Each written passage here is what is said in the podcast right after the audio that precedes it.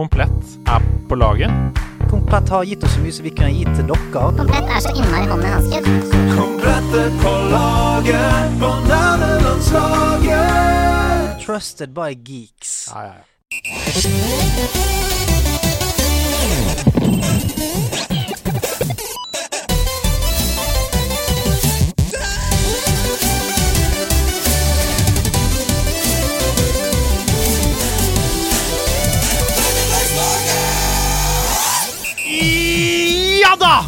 Sett deg oppi korja og la Balloon Kid fly den trygt ut i horisonten, fordi vi skal utover nerdelandslagets vakre landskap. Ja, dette er vårt land, nerdeland! Og her sitter han, mine damer og herrer, rett overfor meg, Sebastian Brynestad. Mannen som i dag har cosplayet Super Mario!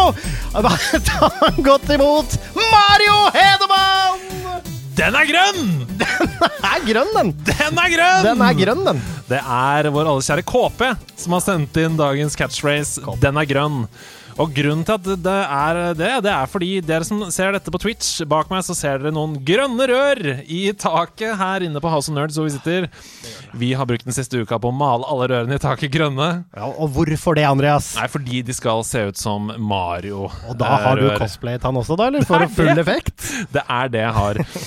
Og eh, det kommer jo eh, noen nyhetssaker på dette etter hvert. Men eh, skal vi bare kline til å si det nå, eller? Å, vet du hva, få den pusten ut av posen! Vi har kjøpt oss inn i House of Nerds.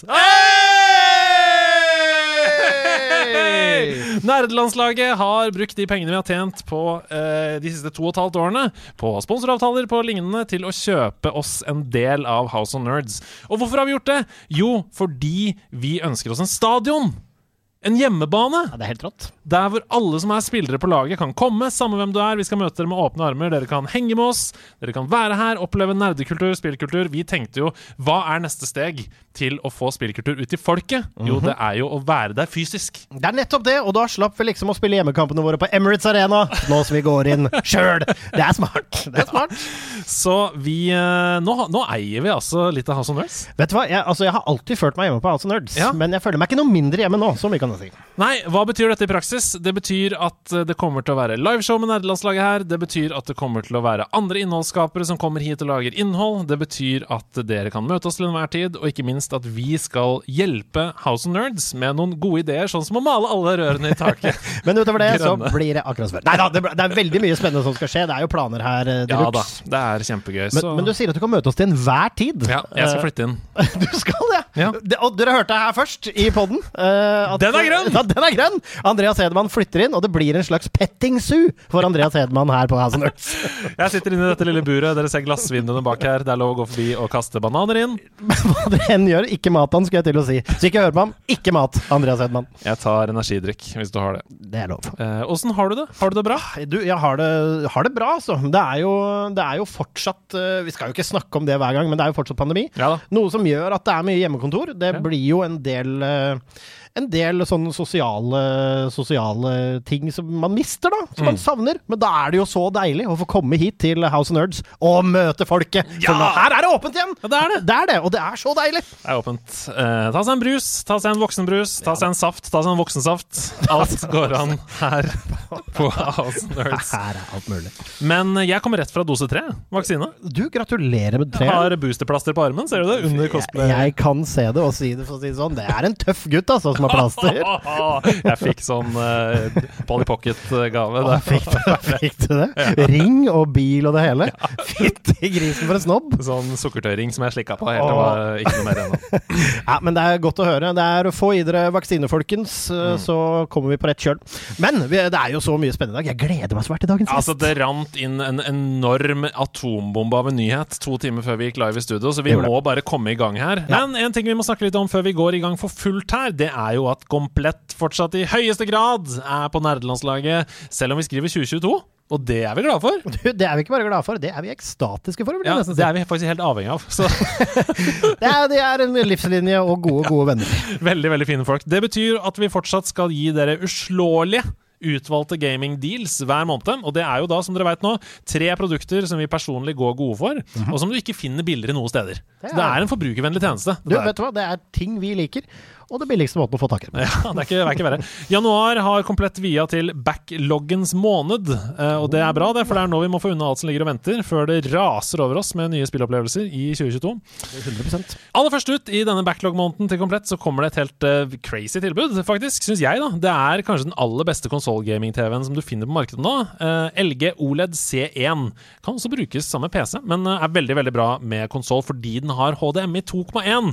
Eh, den kommer i flere størrelser. Det er 55-tommeren som jeg har lyst til å trekke fram her. Den har 120 frames, ekstremt lav latency, og jeg mener helt seriøst at de aller aller fleste ikke kommer til å få en bedre spillopplevelse på en TV enn de får på den her.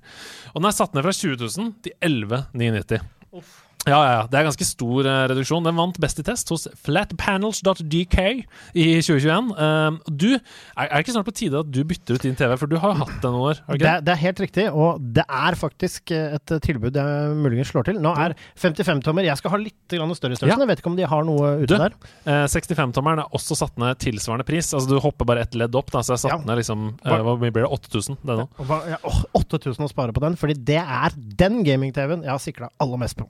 Ja, den, eh, den er veldig bra. Jeg vet at det er flere på nederlandslaget som har den. Og hvis du ser anmeldelsene på siden der, så er det bare fem stjerner, så det er nydelig. Det som på mange måter er kronjuvelen da, i backlog-måneden januar, det er en komplett A140 Epic Gaming-PC. Den har RTX 3060 TI-kort, Ryzen 5 5600 X-prosessor, 16 GB RAM og 1 TB SSD, for å nevne noen ting. da Du får spilt litt, da. Ja, ja, du får det. En PC som har de speksene her, det får du ikke noe annet sted under 20 000. Uh, men i januar så får du den for 17 999 17999 på med komplett. Det er jo til og med et grafikkort i den. Du, du får jo ikke tak i det. Altså, Nei. det er bare å glemme. Og så er det gratis frakt på toppen. Det er, når du har brukt 18 000 på noe, så tror jeg ikke gratis frakt er det du tenker mest på, men det er klart. Du, alle monner drar. Ja da. Så hvis du nå liksom i januar snuser på ny gaming-PC, så kan du få en her som lar deg spille alle spill på maks uten problemer. Du kan vel Eh, jekke opp den C1 også, har jeg lest, eh, til PC? ja, ja, absolutt. Du kan koble PC-en på den. Her kan, du, Eh, her kan du da for liksom et sted mellom 21 og litt ut fra hvilken størrelse du vil ha, så kan du skaffe deg en breial gaming-rigg, i hvert fall. Ja, bra. Men det, er egentlig et spørsmål som jeg har lyst til å stille deg. For jeg vet jo at du tradisjonelt er, har vært en konsollgamer. Mm. Hvor mye PC spiller du egentlig om dagen? Jeg vet jo at du har en gaming-PC. Du, jeg bruker jo, har brukt den aller meste streaming, men jeg har spilt litt Chivalry 2, og så Mm. har- bruker jeg den til å spille nostalgiske spill som jeg har lyst til å spille. Så jeg har spilt litt Monkey Island.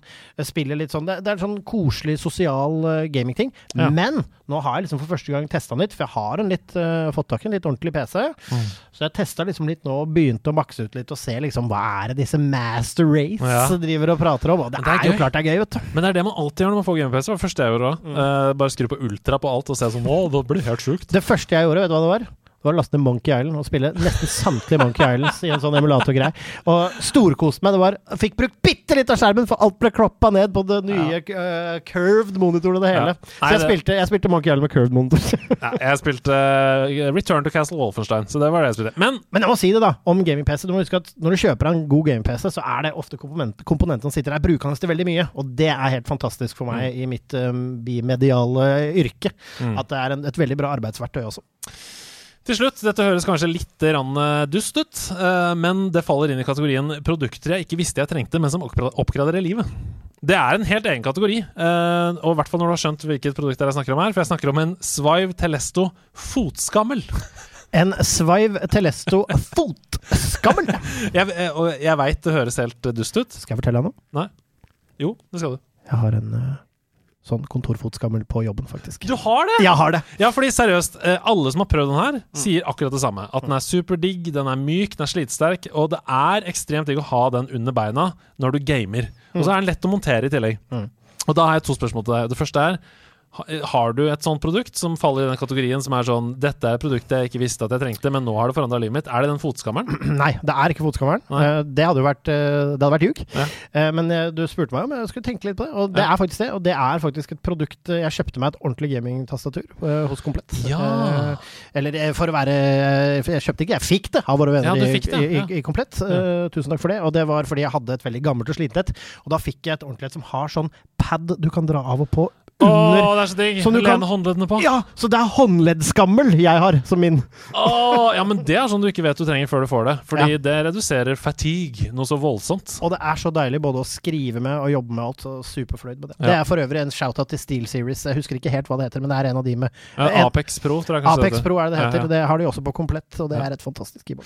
Jeg anbefaler i hvert fall å prøve den uh, fotskammeren, og så sende den i retur hvis du ikke liker den, rett og slett. Altså, Livet mitt med fotskammel er som følger. Når du sitter i kontorstol og skriver mye, sånn som jeg gjør i lange perioder, så Mm. er det ingenting som å kunne liksom ha beina litt ned, og så kan du lene deg tilbake, dytte beina litt opp. Det er en ergonomisk effekt her også. altså eh, konsollgaming med fotskammel, eh, det er ikke noe som er bedre enn det. Den er satt ned fra 999 til 599. Det er nesten halv pris, altså. Ja. Eh, det er verdt å prøve det, i hvert fall. Hvis du ikke syns det er noe for deg, så bare som sagt, send den tilbake. Så får du igjen pengene. Åpent kjøp og Det er helt nydelig. Da, da, da, kan, du ikke, da kan du ikke trå feil, hæ? Åh, Hæ? shit! Nå er du for morsom. Jeg klarer ikke å vente med på å få inn gjesten, for dette kommer til å bli et fyrverkeri. En episode. La oss ta denne mannen inn! Ja, han må inn! Dagens gjest er en gladlaks fra Sarpsborg, født i OL-året 1994 med pæler på beina. Han ramla tidlig inn i Azeroth lenge før idretten rakk å ta han, men om Sylvanas eller Anduin er hans mentor, det sier internett ingenting om. Han har vært politisk engasjert siden han var 14 og fikk bl.a. gjennomslag for at alt, all reklame der modellen er retusjert, skal være merket, og vi lurer på om dette også gjelder med tilbakevirkende kraft for spillkarakterer som Bajonetta og kvinnene i Dead or Alive Beach Volleyball. Dagens gjest har sammen med sin samboer en papegøye som de begge to elsker som et barn, og har vært fast innslag i det nedlagte P3-programmet Norske tilstander. Han har en bachelor i statsvitenskap, men har han en master i gaming? Vel, han kaller seg i hvert fall Stortingets største nerd, så ta vel imot Stortingets yngste innvalgte representant i perioden 2017 til 2021, yrkespolitiker for SV, Freddy André Øvstegård! Ja da! Der er han, mine damer og herrer! Der er han! Han er her! Han er her! Men vi hører han ikke! Vi hører han ikke. Hyggelig? Nei. Altså, det for, var du, kom du bardust på med heftig intro? Det var vet du hva, den kuleste introen jeg har hørt uh, hittil uh, av meg sjøl, i hvert fall. Det, ja, ja. det skal jeg ærlig talt uh, innrømme. Ønsker det, du noe av det samme fra stortingspresidenten neste gang? Ja, vet du hva, helst. Jeg tenker Ja. sånn hver gang, med, en, uh, med noen nye detaljer hver gang. Ja, Mm. også det, det, vet du hva? Her er hansken kastet, stortingspresident. Lykke til. Ærede president, min introduksjon var ikke god nok. Hør på dette. Ja. Han har en papegøye som han elsker som et barn. Er den fra Amerika? Jeg vet ikke. Her er han! Men jeg, vet ikke om vi, jeg vet ikke om vi har lydeffekter på Stortinget, men vi burde få det. Det er jeg ja. Ja. ja, fordi dere har jo veldig mye knapper i salen. Masse knapper. Det er en rød, det er en grønn, uh, og en hvit, i hvert fall. Uh, man kan jo sikkert uh, gjøre noe med de tre. Uh, tre toner i det minste. Det er en god start. Men det hadde vært gøy om det var sånn når de trykker på det, så var det sånn Senterpartiet har mør, og så er det sånn at det er litt forskjellige lyder på det. Det er gøy. Og, og det er gøy, for da kan man ha sånn beat for beat-stemning. Det er sånn Førstemann quiz, førstemann til å svare, så hører du sånn mø. Senterpartiet? Det? Hva er, FrP? hva er SVs lyd da, i så fall? SVs lyd, Eh, Jeg vet ikke. Siriser? Grønne Oh, wow, det low, Shots fired. low blow. Shots fired. Men jeg har ikke sagt noe om min politiske tilhørighet. Det har jeg på ingen som helst måte sagt, så nå spiller jeg bare på fordommer. Ja, ja, men Det er alltid lov. Det er alltid gøy. Ja, det er alltid gøy. Det må, såpass rause må vi være. Du hørte det her først. Spill alltid på fordommer. Hva er Rødt sin? Er det da Ikke sant? Nå er vi i gang. Nå er vi i gang. Ja, ja, ja. Og så Arbeiderpartiet Kamerater. Altså, det, er veldig, det, Ja. det er mange gode. Men jeg tror Høyre sin bare masse penger. Sånn. Ja, ja. Eh, Pink Floyd, money. Ja. Veldig bra. Sånn skal denne episoden bli, merker jeg. Du, her er det i hvert fall, i hvert fall høy energi. Ja, Men du, vi må ta tak i en del ting allerede i introen her. En uh, papegøye som du elsker som et barn, sammen med din samboer. Hva er historien? Al- Altså, jeg trengte et prosjekt i livet mitt, egentlig, som Ja. ikke var jobb. Uh, så i 2019 en gang, så ja, det, var, det var faktisk i valgkampen i 2019, så hadde jeg liksom ikke noe annet å gjøre enn å jobbe hele jævla tida. Ja, Og da begynte jeg å lese litt om papegøyer. Ja. Eh, ja, og jeg er veldig typen som når jeg først liksom starter på et prosjekt, begynner å lese Wikipedia-artikler eh, og sånt noe, da, da klarer jeg ikke å stoppe før jeg på en måte har kjøpt en papegøye. All in. Ramla du ned i YouTube-kaninhølet med sånn How to stroke the feathers to make the bird love ya. Men altså, det, det, det, det må jeg faktisk anbefale alle lytterne, fordi eh, altså, papegøyenettet eh, det, er- det er en egen del av, av hvert fall YouTube, Instagram og ganske mye mer. Der er det altså timevis med underholdning, og det var egentlig der det starta. Man Ja. ser jo sånne morsomme videoer av papegøyer som gjør morsomme ting, eh, og så brått så sitter du der og prøver å filme papegøyen din si hallo. oh, hva kan den si? Kom igjen, det er alltid det mest spennende. Har den noe bra gloser? Jeg, jeg kan si hallo slash Helle eh, oh, Sarpsborg! Ja. Ja. Ja, eh, Fredrikstad, da. Den er fra Kråkerøy. Ah, det er fra Ja. Er det. Oi, oi, oi. Jeg er en papegøye fra Fra Kråkerøy. Ja, Der ble jeg født for veldig lenge. Ja. Og så kan han si et par ting til. Han kan si kos, og så kan han si tørst når han er tørst, blant annet. Og så kan han hilse. Eh, hvis jeg stikker fingeren fram til en, så tar han eh, liksom kloa si rundt eh, fingeren min, og så sier han hilse. Det er sykt okay. koselig. Okay. Du selger inn papegøye godt her nå. Ja, ja, jeg føler en connection. Jeg begynner allerede å klø i å google eh, papegøye, og så litt sånn hvor man får. Men du får si fra hvis den legger et egg. Ja, hvis det er en han, hvis han legger et egg, da, da Da skal jeg si ifra til flere enn deg. Ja. Hvis den legger et egg, så må du si fra. At det, det er et mirakel i så fall. Så det hadde vært heftig. Men uh, Freddy, du er jo ikke her fordi du er en ornitolog. Du er jo her fordi du støtt og stadig de siste årene har vært frampå og snakka om spill. Og da er det jo sånn i nederlandslaget at vi tar deg selvfølgelig inn i varmen umiddelbart. Yep. Det, det er det første som skjer. Og det andre som skjer, det er at vi vi skrur tida tilbake. Og så stiller vi deg det årelange spørsmålet. Hvor var det det begynte for deg? Freddy André, eller Freddy? Hva vil du? Vil du ha begge navnene? Jeg pleier å bruke bare Freddy. Ja. Freddy. Ja. Hvor var det det begynte for deg? Spillkarrieren? Eh, Altså, jeg hadde jo en storebror, har en storebror, som fikk seg PlayStation 1. Eh, Jeg tror det var sånn slutten av 90-tallet, starten av 2000-tallet. Ja, for du er født i 94. Det er viktig å 94. etablere her. Mm. Så mm, da fikk jeg låne den noen ganger, og han hadde i hvert fall to spill som jeg husker. Han hadde Tony Hawk Pro Skater 2, Å, herregud. og så hadde han Gran Turismo 2. Ah! Det er en god start på spilllivet. Ja, ja. Ja, men ikke sant? Det er jo ganske sånn instant hook, da, i hvert fall. Virkelig, altså. Og jeg, det var ikke alt jeg helt forsto. Jeg forsto f.eks. ikke liksom, hvordan jeg valgte flere baner på Gran Turismo 2 enn den ene som går liksom bare rundt. uh, men den var veldig gøy. Jeg kjørte den i timevis. Er det, er det Daytona vi snakker om der? Daytona ja, 500? det stemmer. det stemmer ja, ja, ja. Du, altså, Den mannen der har spilt sin turisme. Så Jeg har spilt noen runder på Daytona, kan du si. Ja, fordi han brukte også 14 år på å finne ut at det var flere. Det er faktisk et endurance race på Daytona som er 500 runder. Kjørte- ja, ikke sant. Daytona 500. Men eh, det var da du spilte da Daytona i noen år. Hvor, eh, Mm. Men eh, dette er da litt i sånn sport, bilsporten og sporten og sånn. Hvor, går hvor går ferden videre her? Nei, altså øh, Etter hvert så ble jeg egentlig forelska i liksom alle Steam-spillene, altså de klassiske Steam-spillene med, Ja. med Half-Life og CS og ja, Garry's Mod. Ikke eh, sant. vil jeg påstå at har, står for sånn ca. 35% av oppveksten min og liksom øh, ja, oppdragelsen min, kanskje. Men Eh, dette er veldig spennende, for vi har snakka litt for lite om Garry's Mod. For Garry's Mod er jo på en måte eh, fødestedet for Minecraft, egentlig. Og veldig mange andre sånne sandbox. Det er på en måte the OG sandbox. Mm. Kan ikke du fortelle, Hva var det du gjorde i Garry's Mod, og hva, hva er, hva er Garry's Mod? Altså, Garry's Mod-? Ja, altså Garry's Mod er jo bare at du tar alle de klassiske Steam-spillene, Half-Life, CS og sånt og så tar du liksom karakterene i spillene, og ikke minst propsa i spillene, og på en måte banene og sånt noe, og så kan du uh, sette det opp sånn som du vil, uh, bygge ting, eh, alt mulig rart, og det starta jo med det at jeg og kompiser eh, lagde snåle greier på de åpne banene eh, av de propsa man får der. Og så begynte vi etter hvert å spille på, på servere og sånt noe. Og der har man jo tusenvis av forskjellige varianter, blant annet sånn eh, RPG-er. Hvor man liksom Du kan late som at du lever i Hva heter det for noe? City, City 17, altså de Half-Life, eh, på en måte toeren. Eh, livene, da. Og på en måte spille ut det. Og, og jeg ble bare sugd veldig dypt inn i de greiene der. Det var fantastisk. Jeg savner det fortsatt. Og det, det var jo også så utrolig mye humor og måte kultur som sprang ut av det også. Med altså, Idiots of Garry's Mode, hvis det er noen, uh, som, eh, noen lyttere som husker det. Så jeg, eh, Hvis jeg ser de videoene på YouTube, så ler jeg meg fortsatt skakk i hjel uh, til denne dag. Og får en sånn nostalgibombe inni meg som er veldig hard. Uh, så det, ja. Mm. Hender du fortsatt å dra fram Garry's Mod og er litt idiot? Nå er det lenge siden sist. Også. Eh, jeg har eh, Jeg vet ikke om, eh, om jeg liksom ødelegger nostalgien hvis jeg går inn i det igjen. Nei. Fordi jeg har det så på en måte sånn forhøyd den, de årene der. Men kanskje jeg burde gjøre det, altså. Det, ja. Jeg vet ikke åssen det er. Spiller folk fortsatt Charisman? Det vil jeg tro. Ja. Det vil jeg absolutt tro.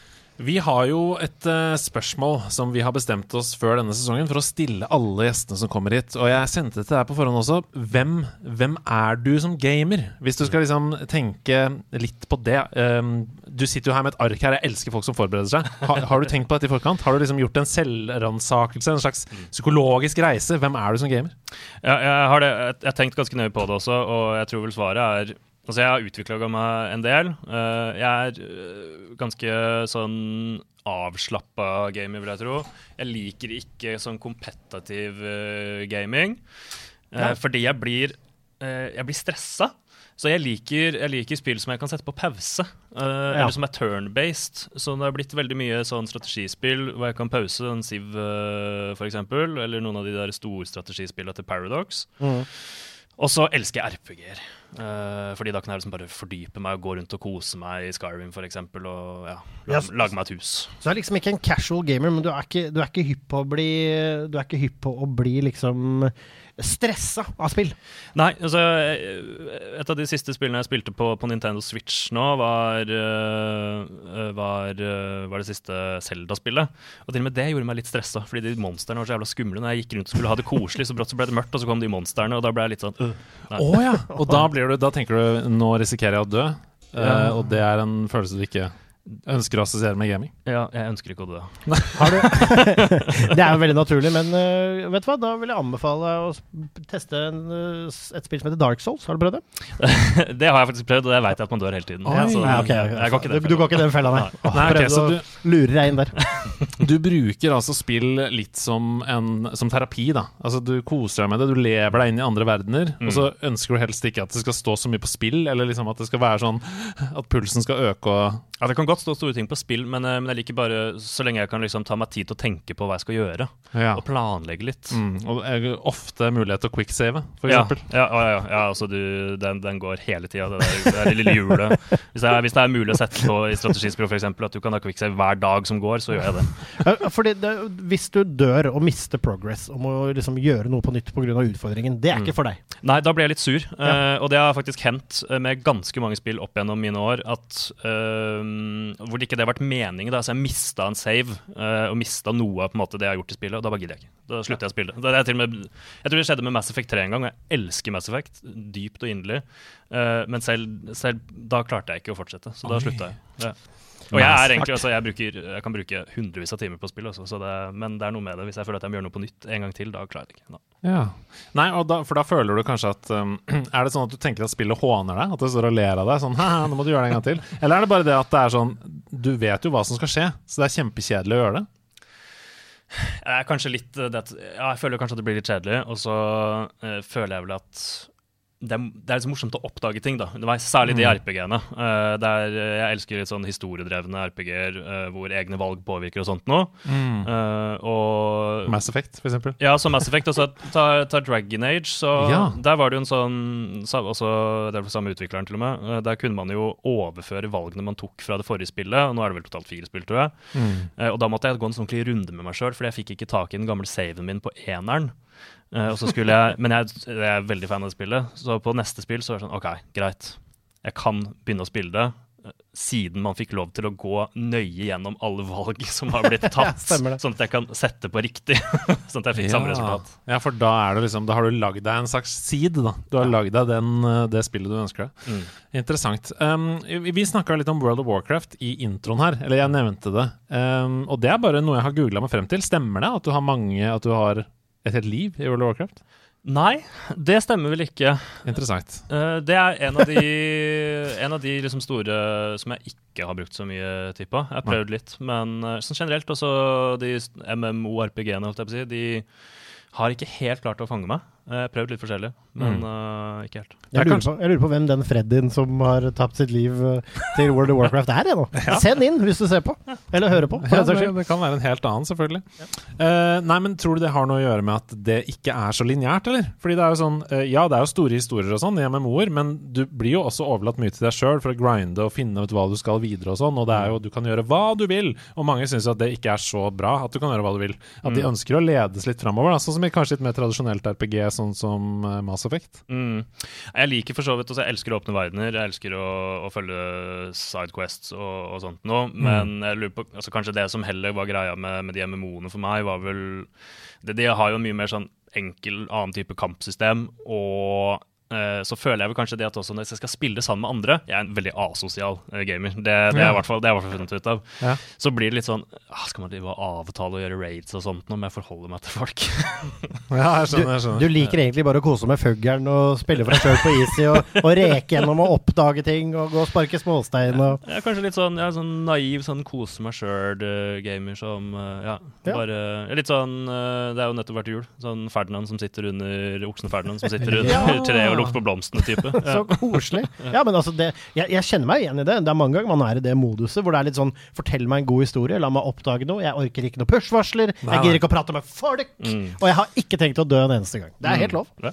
Ja, nei, jeg dømmer absolutt ingen. Ehm, jeg mener at man, så lenge man nyter spill, så kan man gjøre det på akkurat hvilken måte man vil. Man kan følge guides 100% og ikke klare noe sjøl, eller man kan skru ned på easy eller gjøre hva man vil. Så det er jeg helt enig i at eh, er en fin ting. I denne sesongen så har vi også eh, skrevet melding til gjestene på forhånd og spurt om dine topp tre spillopplevelser.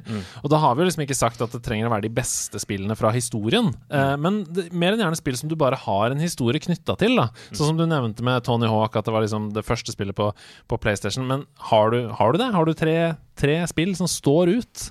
Ja, jeg har det, og, litt forskjellig også. Eh, Jeg skal starte med uh, Guitar Hero 2 og 3. Åh. ja.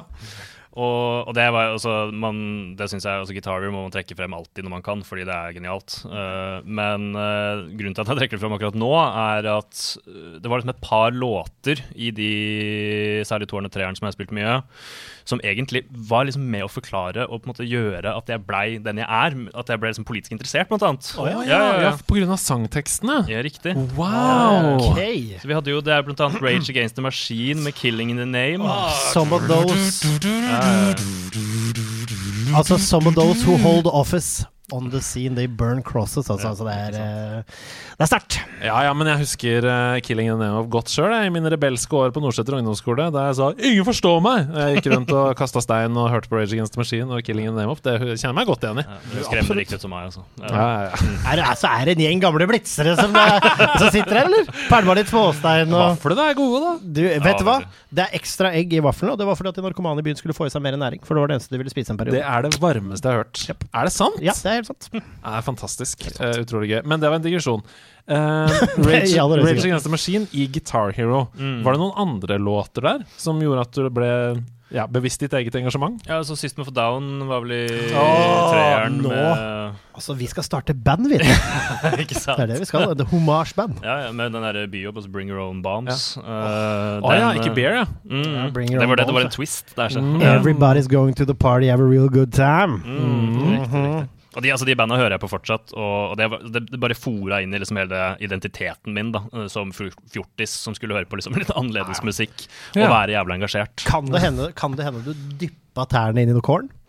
Eh, ja, litt, men, eh, men ikke det, det, det festa seg ikke helt på meg. Det, det gjorde ikke det. Eh, jeg syns det var Det ble litt for sånn Jeg veit ikke.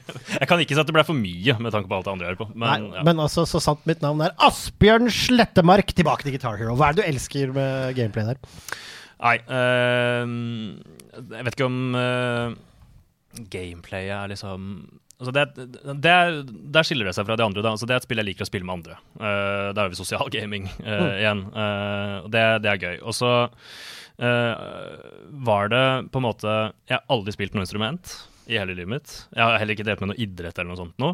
Men det her var liksom et gameplay som også innebærer en viss sånn fysisk ferdighet. Ja. Og det var noe med den der mestringsfølelsen, for å litt sånn, bruke litt politikerord her, eh, som satt skikkelig når man eh, tok, eh, tok noen av de vanskelige låtene på høyt nivå uten å gjøre noe feil.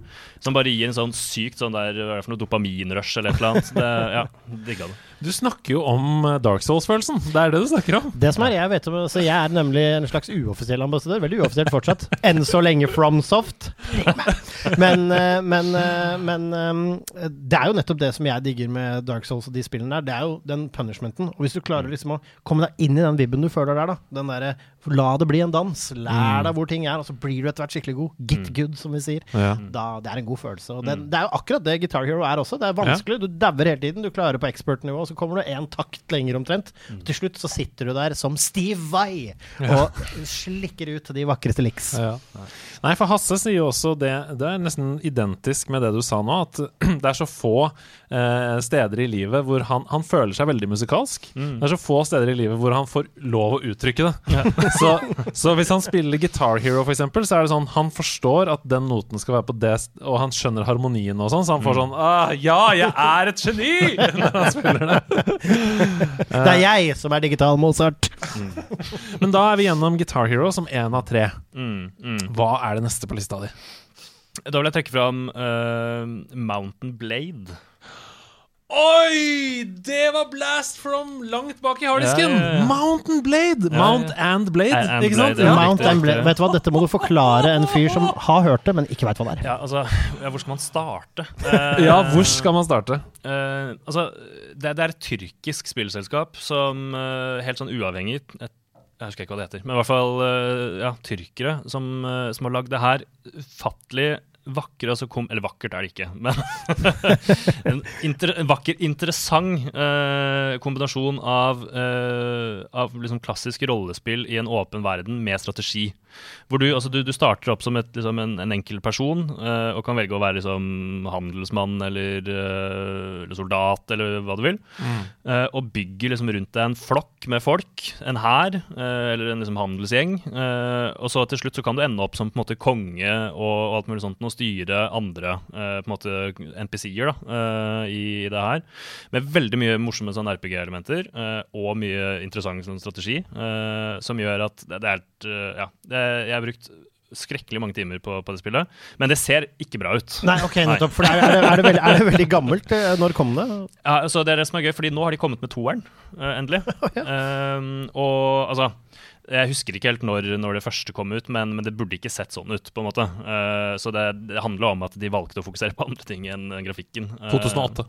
Ja, Ja, ikke sant? Det er ikke, altså jo, jeg sier, nå skal jeg til å si det er ikke så gammelt, men det er, Det er 14 år. faen meg 14 år siden. Ja. Det er mye som har skjedd siden. Ja, da. ja. Nå har det kommet et nytt, og, og det er blitt litt penere, men det er fortsatt ikke sånn Det er ikke liksom up there og, og, og pusher fronten på hvor, hvordan det ser ut. da Nei, har du prøvd det, nummer to?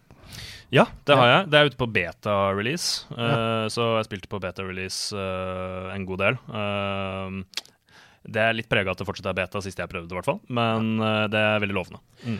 Da gleder vi oss til den eh, siste lille godtepå... Den siste i godteposen. Mm. Da eh, jeg, jeg nevnte jo at jeg elsker Mass Effect. Eh, og det jeg skal trekke fram nå, er, eh, er mer et sånt eh, Et sånt sånt minne, eh, en følelse. Um, og det er altså, avslutninga av uh, Mass Effect, det første Mass Effect-spillet.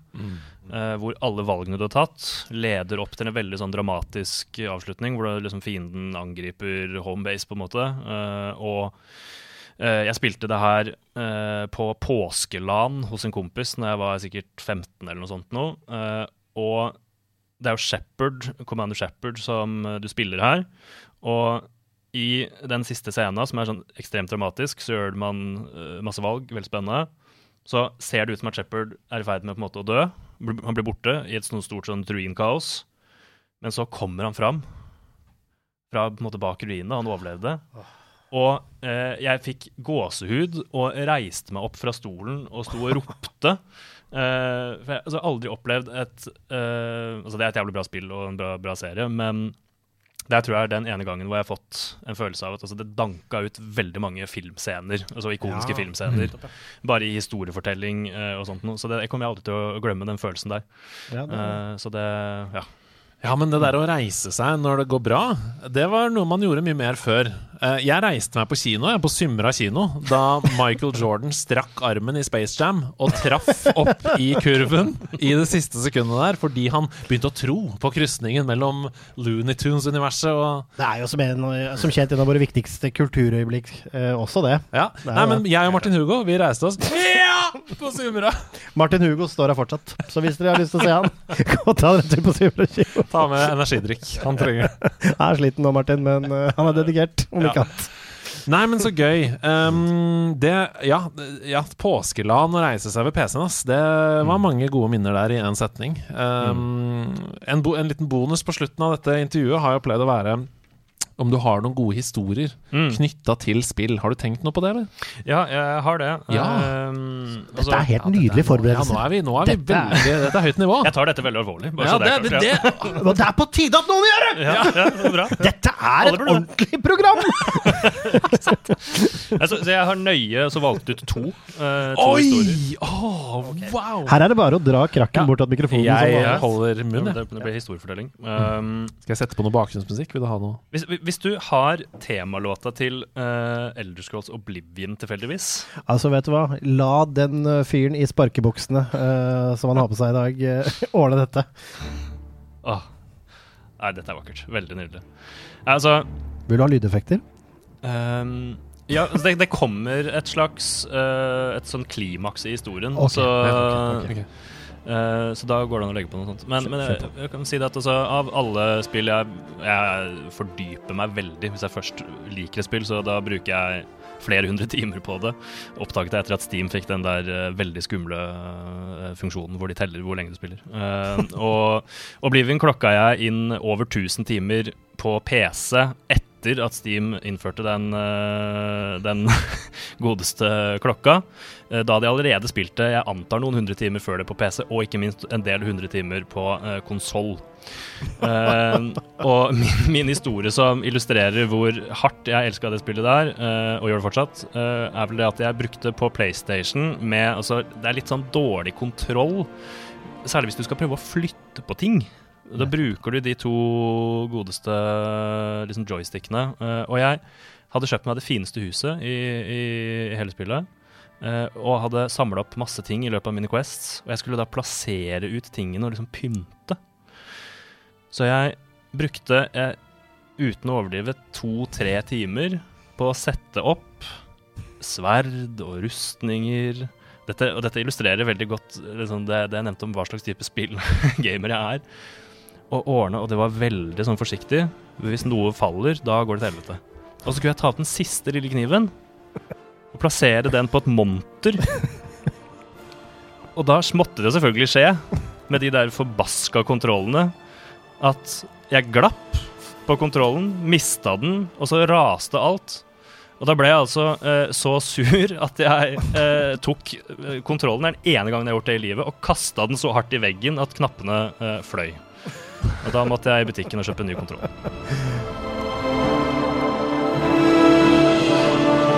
Ja. Uh, min Jeg elsker timingen i avslutningen her. Det er, det er, altså, det, altså, når du tar, jeg har en episk historie for det, så var det ikke det jeg hadde regnet med i det hele tatt. Men det er det som er så deilig. Jeg pynta et rom, og så tror du pokkeren ta meg ikke at monteret sprakk på tampen, så kniven raste, og en dominoeffekt feide alt ned, så jeg måtte rydde opp etterpå. Det er litt sånn Men- pusse opp hjemmehistorie fra Oblivion. Det er veldig gøy. Men det er to ting her. For det første, Oblivion gir, og Obliv- Oblivion tar. Det, det, det er jeg. For det andre så har vi jo lært nå hva slags gamer Freddy er. Mm. Hvis han må Ja, ja. gjøre noe om igjen, så svartner det for han! Ja, det er rett og slett det. Så, men gjorde du mer et, i Oblivion etter dette? Nei, altså da tror jeg vel jeg tok en sånn et år lang pause, faktisk. Men, da, da, men, Ja, jeg blei så knust og irritert. er det vi hører her, at du, jeg ble fortsatt sur. Jeg tolker det dit igjen og ønsker at denne historien skulle være at du brukte 1000 timer i spillet på å rydde sakte og sikkert i det rommet. Og når du skulle sette den siste knappenåla på toppen, så bare Så falt det. Verdensrekord i ryddig hus i Oblivion. Og da hjemme så er det bare sånn Jeg regner med at du har det ganske ryddig og strøkent hjemme. At du er en type som har det ganske kustus hjemme. Og at Ja. den eneste gangen du har ødelagt noe i Rage, er det øyeblikket der hvor den kontrollen bare shabang i veggen. Takk for i dag. Ja. Nei, det, det, var ganske, det var ganske hardt, altså. Det var jævla fint også. Det var det. Det var så bittert. Åh, det er så trist. Det er, altså, det, jeg føler med det. Jeg føler med Ja, det. jeg skjønner det veldig godt. Jeg. La oss hoppe til historie nummer to. Ja, eh. Få på den musikken igjen! Det gjør historiene så utrolig deilig. Ok, Ja, men det kan hende vi trenger en ny, Ja. ny musikk. ja, ok, den, Denne her er ikke noe dramatisk. Dette er bare Dette er en eh, historie på, på hvordan eh, Jeg føler at man stadig finner liksom måter for å la spill skape liksom fellesskap. Eh, Ja, for på, på, på videregående, jeg gikk på St. Olav i, i Sarpsborg, så oppdaga vi ganske fort i første klasse at det var ikke så vanskelig å få spill inn på skole-PC-ene. Uh, og jeg vet ikke om dette funker fortsatt, men i så fall hvis det er noen som går på videregående, så det tror jeg dere får til. Uh, så gjør gjerne det. Eh, Dette ble en infomercial! Jeg elsker det! Fortsett å gjøre det som en infomercial! Det er helt fantastisk med musikk. Så hvis du tar en minnepenn og, laster ned et spill, lovlig så klart, eh, og legger det over på minnepennen, kan du sette det inn skole-PC-en, så kan du spille CS i timen. Anbefalt av SV utdanningspolitisk talsperson. Ja! nå, nå, nå piker det. Nå er vi absolutt der vi skal være. Ok, Shit, altså, tilbake til historien. Ja, Det er ja. art by accident. Ja, fantastisk. Oi, oi, oi. Ok. Ja. Nei, men vi fant ut av det, da, hvert fall. At vi, vi, det var ikke så vanskelig, det. Så, så vi, vi la jo inn uh, de spillene vi hadde egentlig på det der minnepennene, og etter hvert så ble det jo ganske store harddisker som vi tok med oss, uh, Ja. og overførte til, uh, til skole-PC-ene. Uh, så da spilte vi CE, spilte Warcraft 3, for de som husker det. Det er jo et sånt sånn grunnleggende spill for veldig mye annet. Eh, Men du spilte ikke Reforged eh, når det kom nå, eller? Nei, Nei, det gjør jeg ikke. Bra. Ikke det. Bra du ikke gjorde det. Så, eh, men problemet eh, etter Jeg tror det var Jeg tror skolen brukte to år på å finne ut av at vi gjorde det her. Eh, sånn som når, når læreren sto og snakka til oss, at alle titta sånn veldig ned. Etter hvert folk, folk stilte opp med sånn gamingtastatur og, og mus. Og satt altså, i klasserommet med det, men fortsatt brukte de to år. Så når vi forsto det, så tok de og sperra muligheten til å, å, være, måte, å bruke nettet til, til, til skolen på, på LAN. Ja. Uh, men det tok ikke lang tid før vi løste det også. Nei, det er bare å ta med sin egen rute på skolen. Selvfølgelig. Ja. Wow! Så da hadde vi ruter eh, stående i det ene hjørnet i klasserommet, eh, og så kunne vi fortsatt spille sammen. Så det, det brukte jeg tre år av livet mitt på.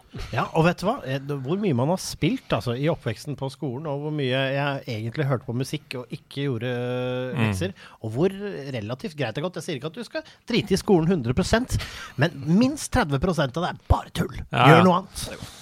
Ja, nei, det, her sitter jo vi Ja. og livnærer oss av å prate om det vi gjorde da vi ikke gjorde skolearbeid. nettopp Så, um, Og nå er politikeren, og nå har vi politikeren i ryggen også. Ja da, så det, man, man lærer jo masse av Warcraft 3. Ja, ja, ja. Og det gjør man. Det er det man gjør. Ok, eh, da, Nå føler jeg vi kjenner deg godt, eh, Freddy. Eh, Rent spillmessig. Er det noe du har lyst til å legge til, eller skal vi avansere i dramaturgien i podkasten? Jeg tror vi kan avansere. Ja, så deilig. Mm. Da skal vi over til hva vi spiller nå om dagen. Så vi kan jo begynne med deg, Freddy. Hva, og når jeg sier nå om dagen, så kan vi egentlig si sånn de siste seks månedene for din del. Fordi For oss er det jo bare en uke siden sist vi snakka om det, men for deg så er det jo en hel livstid. En hel livstid, tenkte jeg. Ja, nei, så nå om dagen spiller jeg Jeg har egentlig det siste året brukt veldig mye tid på sånn her uh, Paradox Grand Strategy-spill. Ja! Ja, Oi, oi, oi. Og der er det jo masse å velge mellom. Mm. um, så jeg starta med, med Europa Universalis 4. Uh, Det, er- altså, det er en så stor sorg i livet mitt at jeg ikke føler at jeg har kapasitet eh, mentalt ja. og tid til å ta, til å ta et sånt spill. Jeg skal bare kaste ut med en gang at dette må du forklare meg, for dette Ja. er ikke helt stø på hva Ja, ja, det skal, men, men det er veldig gøy at du sier det, fordi, så dette er jo det jeg bruker for å slappe av. Fordi jeg ikke har mental kapasitet til å, til å drive med liksom, mm, shooters eller noe som har noe konkurranseelement. Wow. Fordi jeg kan slappe av og kose meg og se på pause. Ja, for jeg slapper av med Overwatch. Ikke sant? Ikke sant? Det er rart. Veldig Ja, rart. men i starten så gjør man ikke det. Det, Nei, det er der, å, det der å lære seg å nyte det å spille mot andre, i for eksempel, og det å senke blodtrykket i Fifa Mm. eller i competitive shooter, eller hva det måtte være, det er en kunst. Det tar litt tid. Ja, ikke sant? Jeg tror jeg mista det. tror jeg ikke var bedre på det før. Nei, men altså, Europa Universals 4 og de andre spillene fra gode svenske Paradox eh, er jo liksom sånn Hvis du tar et strategispill og så setter du det på, på en måte speed uh, i omfang, så, så har du den sjangeren. Uh, og du styrer eh, ja, Europa Universals 4 så styrer du jo et land uh, på, sånn, i liksom Europas formative år, holdt jeg på å si, fra liksom renessansen til uh, ja, uh, 1500-1600-1700-tallet rundt der. Eh, og, og du styrer virkelig liksom sånn alle aspekter av landet. da. Det er ikke bare et strategispill som handler om å bygge tropper og sende de på de andre. Uh, nei da, du styrer liksom diplomatien, du styrer uh, økonomi, teknologi osv. Så, videre. uh, så det er for folk som hater sånn micromanagement i spill, da kan jeg ikke anbefale det i det hele tatt. Uh, ja. Ja, nettopp, ja. Fordi Ja. det, der kan du fort miste meg litt eh, hvis det blir for micromanage. Ja, men samtidig inventory management i FromSoft-spill. Jeg regner med at det er en hakket enklere, altså. Å det er regne, det. Enn å Det er det. styre et land fra renessansen og fremover. Jeg bare kaster ut at kanskje det er lettere å ta på seg en hatt og en bluse. Jeg veit ikke. Jeg vet ikke, men jeg gjetter.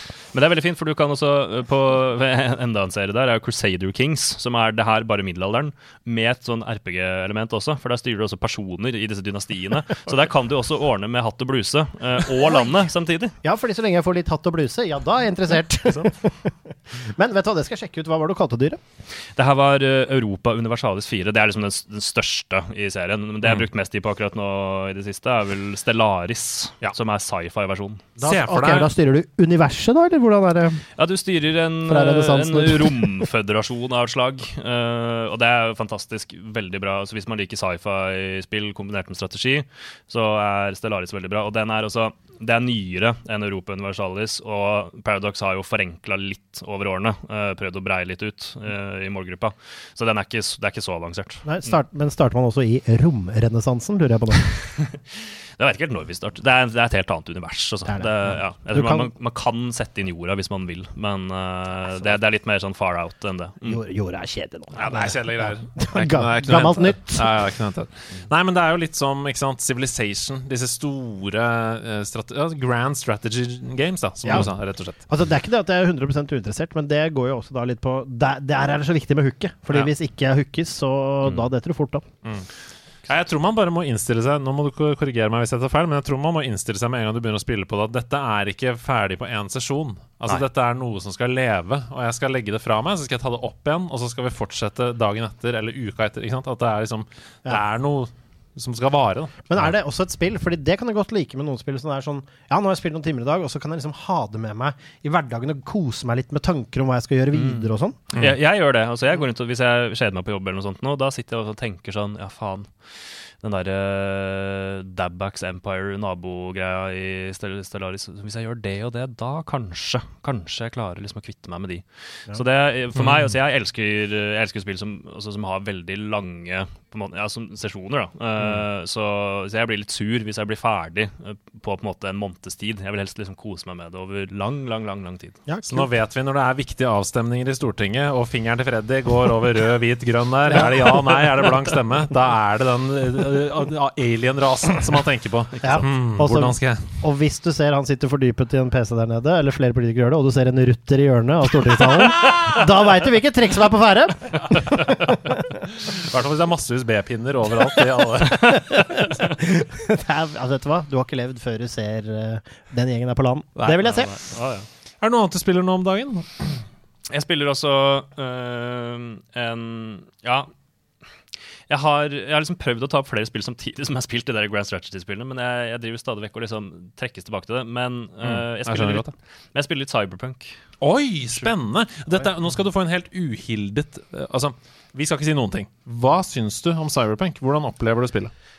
Altså, nå, nå kan jeg, nå, nå foregriper jeg noe her, Mm. fordi dette her er også uh, litt min kontroversielle mening, nemlig. Ok, da lar vi det være. Ja, vi legger det. Da lar vi det være. Uh, Sebastian, hva Ja. med deg? Vi har jo hatt uh, en, et felles prosjekt den siste uka som heter Games Done Quick. Det kommer jeg tilbake til. Men har du Ja. fått spilt noe i tillegg? Eh, det, det har ikke vært voldsomt mye, fordi for å si det sånn, når det er GDQ, da sitter vi spikra, Andreas. Det blir seine kvelder mer i chatrommene og i det hele tatt. Altså, da, da jeg sendte melding til deg og sa du må gå inn og se Wooden av Portal 2-speedrunnet, for det er helt utrolig bra, og du sa jeg så det klokka fem i natt. Ja, og da satt jeg på jobben og var så vidt jeg holdt hodet over bordplata et par ganger der. Men så var det mer GDQ, da, vet du. Så da våkna jeg igjen. Neida, men eh, det har vært mye av det. Men jeg har jo også hatt en nydelig session inne på Twitch med gjengen og testa de første par timene av Death's Door. Ja. eh, som jeg har kost meg mye med, som ga mersmak. Som jeg tror eh, at muligens dukker opp igjen, uten at jeg kan love noe. Men det kommer litt an på dagsformen. For det er jo liksom Det er litt sånn i Souls-landskapet, som jeg liker veldig godt. Men det er jo også samtidig litt sånn A Link to the Past eh, Uh, grafikkmessig. Så er det mye sånn Zelda-esk top down-vib. Eh, men et veldig pent spill. Et veldig presist spill som jeg setter veldig pris på. Og så en kul verden i det hele tatt. Kan jeg bare si at du var helt sykt god i det? Ja, men takk. Det var eh, sjokkerende å se, og provoserende for meg, da, selvfølgelig, som har slitt meg gjennom eh, for å komme dit hvor du kom på en time. Så Ja, det, men vet du hva, det, det, det setter jeg pris på. Og det skulle jeg, Det er jo noe hovmod som står for fall når det er sånn Dette er en Dark Souls-like eh, top down, liksom. Hvor det er Du må bare get good. Og chatten begynte Ja. å koke. Første gang jeg døde, var på den golemen. Døde Ja. en gang til, og chatten bare get good. Og jeg bare Og så tok jeg en. Da føler jeg meg kul. Ja. Jeg takket være dere eh, lyttere og seere på Twitch. Ja, men det er et krevende spill, Veldig. um, og det er et utrolig bra spill. Altså, men jeg skjønner det du snakker om sinnsstemning. At det er sånn Det er ikke bare å streame det hver gang du skal streame, Fordi du må liksom være på uh, Hvis ikke, så bare dør du jo. Ja, og det er, det, altså, det er sånn som Souls kjenner jeg så godt at der kan jeg slappe mye mer av. Her er jo alt helt nytt, så på den måten så er det mye mer krevende. Og da, når folk ser på i tillegg, så er det litt sånn ære i det. Så vi får se om det blir eh, det jeg streamer eh, neste gang, men, mm. men kan hende. Og Men, du skal streame på torsdag. Jeg skal allerede. streame på torsdag allerede, så da, det kan hende det blir et overraskelsesspill. Det kan hende det blir Death's Door. Uh, hvis jeg får nok mas eh, i Twitch-DM-er, så får vi se. Nei, i Discord-DM-er. Så får vi se. Men uh, i tillegg til det, så har jeg da, mens GDQ har surra godt, uh, så har jeg også satt på en liten skjerm, fordi jeg driver, hold deg fast, jeg tror jeg skal platte Ghost of Sushima. Tsushima. Ja! Har du spilt Ghost of Tsushima? Nei, jeg har ikke det. Jeg har hatt litt lyst, egentlig. Det er egentlig et spill som passer meg. Ja, for jeg tror det, nemlig. Det er jo RPG-elementer der. Mhm. eh, og det er også den action-adventure-greia som du snakker om, og veldig sånn leve seg inn i, og i hvert fall moments hvor du reiser deg ved PC-en. Ja, det er det. Katta. Og, og der kan du jo få så mye utfordring du vil. Det er veldig fint å scale det ned hvis du bare vil følge historien og kose deg og se ut som en fet samurai som bare hack and slasher uten spesielt mye utfordring. Så kan du det. Men du kan også få en full klut, sånn som jeg driver med, da. Med eh, bare så, så vanskelig som det er mulig å få det, si. Ja, det, for det er veldig viktig at du bytter stance, og det er veldig viktig at du Ja. Har en strategi inn i fightsen. på easy så slipper du unna med mye, men uh, oppover så er det ordentlig ordentlig utfordrende, og det blir episke danser. Så jeg koser meg mye med det. Nå er det jo mye forefallende, så nå er det sånn plukker opp noen sidethings og noen ting, og så har jeg satt opp for å gjøre det enkelt for meg selv, satt opp trophy-lista og Ja, eh, jakter litt. Så det har vært mye sånn se på GDQ og jakte Foxdance, som er litt sånn som du ja, ikke har giddet. Og forfallende arbeid, få til 50 sånne som du aldri visste. De små skjulte ting og sånn. Så koste meg mye med det. Uh, og Du har fått noen helt sjuke armors der òg, da. Det må du si. Det ja, pågår- de, har jo endelig Det kommer jo fire fete armors eh, Nei, tre, fire fete armors til, eh, til online-biten. Men de har nå kommet etter eh, Iki expansion, en kjempefin expansion til Ghost of Tsushima. Og på PlayStation 5, og, altså den nye versjonen, nye versjonen der, remasteren, eller ikke remaster, men eh, enhanced. Det er nydelig så, altså Det er nydelig som få, det spillet nå. Det er bare Det er smør. Og så fikk jeg spille Iki og koste meg masse med Questen der. Masse mer ting. Og så har det kommet tre nye Armor Quests. Som, da må du gjøre mye i storyen, og du må ha gjort mye for forhånd, men da kommer det noe altere. Så jeg kan si så mye som at det varmet Altså, platinumhjertet mitt ble ikke noe kaldere. Tampen platinum brant ikke noe mindre når denne fyren fikk seg Bloodborne Armor Egos Ghost of Oi, oi, oi. Ah, shit pommes frites. Ja, det, er en lang vei å gå, det er en litt lang vei å gå for det, så det er ikke det du gjør første kvelden. Men når du først får den i hus Jeg har ikke lyst til å spoile så mye, faktisk, men øh, hvis du vil, så kan du få det. Du kan også få en aldri så liten Shadow of the Colossus Armor. Eh, og dette er jo PlayStation Exclusive Armor-ting, selvfølgelig. Og så kan du få en uh, liten God of War-armor der, uh, mot tampen. Også, Rolig stemning. syvende og sist eh, så er det en som fortsatt bare er mulig å få i online-biten, men som det finnes noe som heter et broken altar et sted i verden, som alle regner med at når det nye eh, Horizon Zero Dawn kommer, OK. Så er det en aldri så okay. alloy armor der også, tror jeg. Så, og, det, og det spillet er så pent, og det er så vakkert på alle måter. Bare det å gå rundt i verden. Det, er, det seiler opp, og grunnen til at jeg har lyst til å platte det, er fordi jeg føler det fortjener den staten jeg har lyst til å gi spillet tilbake, at flere folk har platta det. Fordi det bare, jeg vet ikke hvorfor, det bare snakker til meg. Det har blitt en av de beste spillene jeg har spilt. Nydelig. du da, Andreas? Du, jeg har bare kosespilt uh, bitte litt her og der den siste uka, som jeg var inne på pga. et av våre favorittevents, Games Done Quick, som ble avslutta nå på søndag. Jeg Skal snakke litt mer om det senere, men istedenfor å snakke om spill som jeg har spilt, så tenkte jeg derfor å plukke ut noen av mine favorittruns, og heller eh, snakke litt om dem. For det føles jo som Altså, Games Done Quick er et speedrun-event. Der hvor noen av verdens beste speedrunnere spiller gjennom spill til inntekt for annenhver gang Kreftforeningen i USA og Leger uten grenser. Eh, og det føles jo som du har spilt disse spillene. Når du har sittet og sett for et 100 run da, av et spill, så føler jo du at du har vært med på den reisen. Spesielt hvis det har vært sånn såkalte inbounds runs, som ikke er sånn at man glitcher seg gjennom vegger og sånn, men at man må faktisk ta alle banene eller alle levels og alle bosser og sånn. Og i år, jeg vet ikke om det er en trend, men i år så har det vært mye av det. Lite sånn glitch gjennom vegger og sånn. Mye mer sånn Nå skal vi ta Bare vise hvor gode vi er, på en måte. Eh, så det vi skal snakke om nå, det er hete tips til runs, som du som hører på, kan gå inn og spore opp i sin helhet. Nettopp. Og se på om igjen. Og det er en, spesielt en Reddit-tråd. Så hvis du søker på Reddit Wood AGDQ 2022, så får du en oversikt over alle eh, som du bare kan klikke deg inn på. Kanskje du til og med kan droppe den i podpreik eh, Ja, på det Discord? kan jeg absolutt gjøre. Og det første jeg skal nevne, er Donkey Kong Country 2. Åh, smashing run! Der var det altså Det, det heter jo Diddy's Kong Quest. Uh, spiller på der i ordspill på slutten der. Det er deilig, det. Uh, og det var et race mellom fire stykker. Fire av de beste i verden, eh, som har kniva om verdensrekorden der fram og tilbake seg imellom. Og det var så jevnt, og det var så gøy. Var det ett Altså, vi må ikke spoile hvor mye som, som separerte på slutten. Eller? Eller? nei, det var, det var så jevnt, og det var helt umulig å si hvem som kom til å vinne, før liksom da, da målseilet gikk. Så det var kjempegøy og kjempespennende for å oppleve noen av de beste i verden bare pløye gjennom helt sinnssyke baner uh, i Didi Kong, uh, Diddy's Conquest. Det, det var helt fantastisk. Returnal, også, Ja. et, eh, også et run i samme kategori. Uh, Returnal er jo et bull bullet hell-spill. Veldig vanskelig. Mm. Ro en, Rogelike. ja, og nok en gang, ikke noe glitching. All bosses på typ en time. Det er så snoppen i bordet, da, som vi sier, der hvor jeg kommer fra. Nei, det var helt sykt å se på. Og han fyren som gjorde det, han har verdensrekorden, og han bare koste seg. Du så at han bare satt sånn Yeah, guys, what's going on? Og bare med liksom nesten bind for øynene. Apropos bind for øynene. Ok, nå kommer det. Dette her, altså vet du hva? Jeg har aldri følt meg dårligere i spill enn når dette skjedde. Jeg vet akkurat hvor det skal. Det sjukeste tror jeg som skjedde hele uka, det var Sekiro, Shadows Die Twice. Et av de vanskeligste spillene som fins. I blinde. Altså med bind for øynene. Åssen er det mulig? Vet du hva? Det er, det er derfor vi sier det. Du må inn og se dette selv. Fordi jeg, du tenker altså, når, det, når det kom, jeg tenkte OK, show me the money. And he showed me the money. Altså, det var så sjukt å se på. Det er audio cues all over, ikke sant? Og han, han, Ja, sant. han lytter jo etter alt som han må gjøre, og vet at hvis jeg går Og du ser at han teller høyt hele tiden, for det er sånn én, to, tre, fire fram, to til høyre. Han klarte alle bossene. Han runda hele spillet i blinde. Jeg skjønner ikke hvordan det er mulig. Nei, altså, det er det, altså Jeg leste litt om det etterpå, for jeg ble helt det, det, I blinde Jeg skjønner det på noen spill, liksom, så skjønner du det at det er sånn Men han har lært seg da Han har lært seg sekvenser. Det er det han gjør. Han spiller det mens han ser.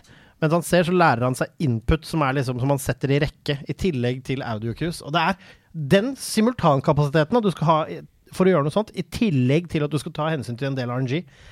Det er helt, altså det blåser skallen av skuldrene mine. Det er så imponerende.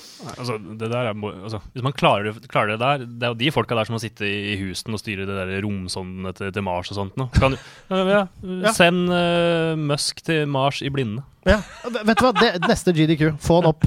Og, og, men, men altså, jeg skrev én melding til deg der, husker jeg, etter det var ferdig. Jeg tror jeg skrev savant. Fordi det mener jeg at det er Bård. Ja, savant. ja, men det var jo helt absurd. Altså, det var, en gjenganger i chatten der var Dette er et spill jeg ikke klarer med begge øynene intakt. Ja. Hvordan er det mulig å klare det i blinde? Men eh, det, det var helt fantastisk. Dere må gå inn og se det. Bare nevne kjapt noen andre her også. Slay the Spire. Helt crazy for meg. Og det var jo også et, en uh, random seed, da. Så han har jo ikke noen mulighet Altså, Slay the Spire er jo uh, hva heter det, sånn uh, procedurally generated. Sånn at mapsen og sånn forandrer seg fra hvert run. Og han vet jo ikke hva han får, men han bare pløya gjennom og runda det på null komma swish. Og det var helt eh, sinnssykt å se på. GeoGuessr! For et run! For et run! Ah, det var Med gøy. vår egen Harvard. Ja, ja, ja, ja, ja. Og det var et svensk og norsk duo. En svensk og norsk duo som spilte GeoGuessr, altså et geografispill hvor du bruker Google Maps, eh, med perfect score. Som vil si at du får fem helt tilfeldige lokasjoner i verden, og du må være innenfor 25 meter med der hvor du setter uh, markøren på hvor stedet er. Såpass. Perfect score fikk de. Ja, det, Altså, altså, det er helt intenst. og, og, det, og noen av de episke sitatene her Well, there's a sticker. Well, there's a sticker on a light. Hva heter sånn s- Like post. Yeah. There's a sticker on the light post here. That means it's mainland Malaysia. Ja! That means it's ma Den, og, og hvem kan Altså, ja, jeg, må, jeg har ikke lyst til å spoile hva som står på veggen, men gled dere til å komme fram til den thailandske barneskolen. Ja, det er faktisk på Filippinene, tror jeg. Eller Ja, ja, sorry, sorry. Nei, det var utrolig gøy. Um, Super Mario 3D Land, Warpless, fantastisk alle banene. Dark Souls, alle bossene. Uh, Det var også, og det var race! Race. Og det, var, jeg, det er min honorable uh, mention her. Jeg syns du har absolutt dekka inn det viktigste. Men Mm. hvis du er litt opptatt av Dark Souls, Fordi det, det var for meg et studie. Der, Mm. lær, der lærte man i All Bosses der, så lærer du masse om bossmekanikk. Mm. Som er superbrukende, for de var veldig flinke til å forklare det de gjorde underveis. Mm. Så den anbefales. Legend of Zelda, Link to the Past, alle bossene. Hello! Ikke noe exploration glitch heller. Fantastisk! Og det var jo eh, Altså, det, det, var jo, det var jo som om Koji Kondo skulle sitte der og snakke om spillmusikk. Altså, dette var jo Alle i GDQ-teamet var jo helt in awe, fordi det var jo den opprinnelige japanske runneren som hadde liksom funnet disse tingene. em, som runna det, og han hadde med seg translator og sånn. Det var helt fantastisk. Og til slutt, Portal 2 inbounds. Også helt sjukt å se på. Alle banene er bare sånn. Der er vi ferdig med det kammeret. Der er det neste. Der er vi ferdig med det. Nei, det var utrolig bra. Og vet du hva? Jeg, vi så nesten alt. og det er jo prima underholdning. Gå inn, se det, og skjønn det. For det er det. Hvis du tenker at det høres litt kjedelig ut for meg, men du må skjønne hvilken idrettsprestasjon som ligger bak de tingene, så blir det noe av det feteste i hele verden. Sebastian, kan du ta tak i den virtuelle girspaken som står foran deg, og Ja. trøkke den opp i sjette gir? Det skal jeg ta og gjøre, Andreas! Ha med, ha med dag. Hey, hey. Ha med, ha med dag. Ha med ting etter ditt behag. For det er ha med dag, jeg lurer skikkelig på hva Freddy har med nå. har med nå? Er det kanskje en bok med Norges lov? Er det et politisk vedtak? Eller kanskje noe mer? Er det gaming-relatert, eller er dette pente slags slagsmål Vedum? Til vanlig så trykker Freddy på tre knapper, han. Men når han skal til oss, hva har han tatt med seg da? Er det en liten figur av Kristin Halvorsen eller Thor? Eller er det et bilde av sin mor? Jeg vet ikke. For det er han i dag! Ah, vakkert.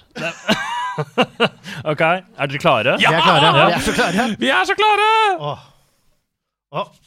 Ok, altså eh, Nå har jeg den her sånn. eh, og altså Når jeg ble innvalgt på Stortinget i 2017, så var det jo veldig mye rart som skjedde samtidig. En av de tingene var jo at vi, måtte liksom henge litt rundt på de andre representantene sine kontorer før vi fikk vårt eget. Ok. Og eh, da hang jeg en god del på Snorre Valen sitt kontor. Ja. Og han er jo som meg også en, eh, en god nerd i SV. Eh, og det som var liksom slående med hans kontor, var at det var proppfullt av effekter som det her. Oi! Der er den! Ja. Så dette er altså en sånn hva heter det for noe sånn bubbly head eh, av eh, Darth Vader. Uh, som han hadde massevis av forskjellige sånne her uh, på, på kontoret sitt. Og også et Jeg vurderte om jeg skulle ha med meg det, men da måtte jeg ha kjørt bil eller noe sånt nå, midt i Oslo sentrum. For blant annet også et gigantisk malt portrett av Vader som hang på veggen hans. Ja, og Wow. så, så var jeg så smart at jeg kom med en kommentar en dag på at sånn, ja, det er kult, det greiene der. Sånn, ja. mm. Og så fikk jeg mitt eget kontor, og så gikk det en ukes tid, og så kom jeg på jobb, åpna døra, og brått så sto da alle disse tingene på mitt kontor. Oi! For en raus type, da. Ja, veldig. Eh, så hvis Snorre hører på dette her, tusen takk. Eh, jeg fikk jo da rollen som Star Wars politisk ansvarlig eh, i SV stortingsgruppe. Eh, Beste jeg har hørt. ja, og, SV og SW, det er jo ganske nære hverandre òg, shit! Det har jeg ikke tenkt på. Nei. Socialist Wednesday Day. Ja, eller Star Wars. ja, ja, ja. ja. Det er den nederlandske Star Wars. ja star, star. ja. Ikke sant. Men ta så vis fram Vader til kamera her. Oi, oi, se han. på Vader. Der er han. Der er Ja. Darth. Og Med han bobber, bobber heden også. Og sitt uh, røde lyssverd. Så det, den her står da Den står på, på, på kontorpulten min sånn, uh, og peker den veien folk ser når de kommer inn og skal liksom snakke med meg. Uh, og så er det da Nå har jeg skifta kontor, så jeg har ikke fått hengt opp eh, Vader-portrettet ennå, men, men det henger liksom rett ved møtebordet. Eh, så ja. Så det er et veldig sånn tydelig budskap til alle som kommer inn, da. Ja, for det er det jeg lurer på. Sender dere til andre politiske delegasjoner fra andre land liksom et lite signal når du har et stort maleri av en intergalaktisk fascist på veggene? Jeg håper det. oi, oi, oi. Men du, kjapt også, hva er ditt forhold til Star Wars? Altså, har du en favorittfilm, for eksempel, av de som har kommet? Ja, det er dypt og inderlig. Uh, favoritten er jo Empire. Mm. Uh, det er, ikke så original sånn sett. Ja, men det trenger ikke å være det. Uh, nei, men den, ingenting slår den, altså. Det, den er veldig bra. Så jeg har hatt det veldig fint i det siste, da, med når hele denne på måte, um, franchisen har fått blomstre på nytt. Mandalorian-soundtracket der. Ja, det, var det det var. Det var, det det var. jeg driver og ser på Book of Bobafett nå. Og det, Ikke så bra, eller? Nei, altså jeg elska Mandalorian og Ja, hadde selv. veldig høye forhåpninger til, uh, til Bobafett, men jeg syns der tok Disney og la seg litt mye inn i det manuset altså. Ja, Uh, Bra, da slipper jeg å se det. Nei, nei, men vet du hva? Det, for meg pluk, det det. det, altså, Hvis du liker Star Wars, det er absolutt metadon mens du venter på mer. Ja. Så det er ikke det at jeg uunderholdt, men det var Det føles billig. Og jeg vil bare, jeg vil bare si en liten sånn shout-out til den dummeste biljakten jeg har sett i hele mitt liv. Ja. Den med de tre mopedene. Gå inn og se den tre mopedjakten. Det går altså De kaller, hvor sakte kan det gå? ja, de, de kaller det for the mobility scooter chase på Reddit. Fordi det, det ser ut som tre eldre med sånne duste mopeder som hovrer. Det er det dummeste jeg har sett! Vet, vet du, det absolutt dummeste jeg har sett! Ja, jeg er veldig enig. Men det er jo det er proppa med morsomme ting om Bobofets historie. da Og det, Det det, er det, det, gjør at det, det er verdt å se på. da Eh, Og det er altså Bobofet har alltid vært en av mine favorittkarakterer. Så det, er bare, det, det gjør at da er jeg garantert å se på. Men det er det de veit, vet du. De jævlene. De, de, de, er. Ser på det uansett. Jeg gir det en fem av ti. Men Oi. siden jeg er Star Wars-fan, så gir jeg det en 7,5 av 10. Ja, ikke sant. Det er helt Boba Fett, det. Vi, Gi den mannen lønnspålegg! Gå lydplanken! det er det som skal skje! Ja. ja, ja, ja. Du er en politiker på Stortinget, men klarer å sette sjøbein på denne skuta? din. Prøv å få inn et vedtak her, du! I går Skjøre ved Venstrepartiet der, altså. SV. Ja, oi! Sjørøveri eh, Venstrepartiet. Ja. Nei, vi um, skal spille Går lydplanken. Eh, og i går, lydplanken så Det er en musikkonkurranse der hvor uh, jeg har forberedt tre musikk- slash lydoppgaver som er knytta til spill. Og det, Den foregår på den måten at jeg spiller av et lydklipp, og dere skal rope navnet deres og være første person frem til å, til å finne hvilket spill det er vi skal til. Det er det første. Uh, så kommer det et oppfølgingsspørsmål etter det. Som er knytta til det spillet. Så det er to oppgaver per oppgave, på en måte. Um, Begge er opp for grabs. begge er opp for grabs, eh, men det kommer litt an på Jeg sier f.eks. sånn 'Dette er førstemann', eller sånn 'Dette er om å gjøre å tippe nærmest'. Ikke sant? Okay, det, det ja, varierer ja, litt. ja, ja. Um, så det er rett og slett bare sånn uh, kjøret går. Uh, og vi skal fram til spill i alle lydoppgavene. Um, så husk å rope navnet når dere vet hvilket spill vi skal til. Og så er det faktisk sånn at den som taper, den er nødt til å gå lydplanken også. Chirac. Søren. Her kommer den første oppgaven. Uh, spiss ørene og rop ut når dere vet det.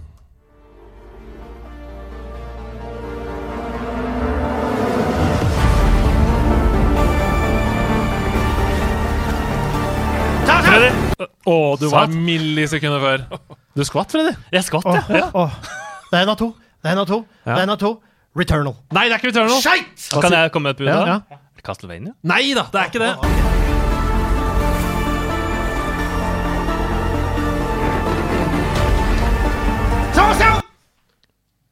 Er det Cyberpunk? Nei da! Å, dette, dette er Det er vanskelig.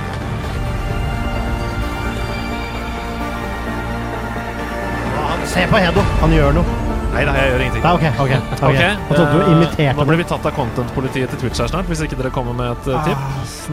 Nei, det er usikkert, usikker, altså. Det er vanskelig. Ja, ja. Hva kan det være? Å, det kan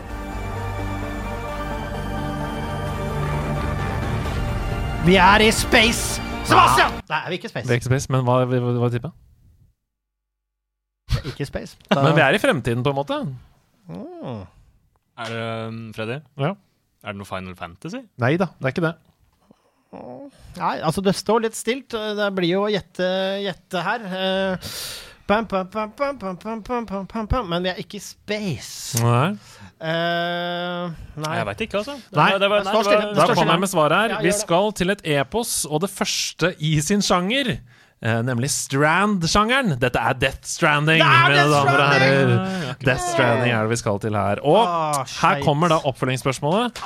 Og her er det førstemann til å rope navnet sitt når dere vet svaret. Death Stranding er jo et skremmende realistisk bilde på tiden vi har stått i de siste årene. Som er helt absurd at Hideo Kojima klarte å forutse. Uh, Men spesielt én ting i spillet skiller seg enn så lenge heldigvis fra virkeligheten. For hva er granatene i Death Stranding laget av? Det husker jeg ikke. Nei. Da er det jo liksom lov å tippe, da. Hva kan granater lages av som ikke Mhm. lages av nå?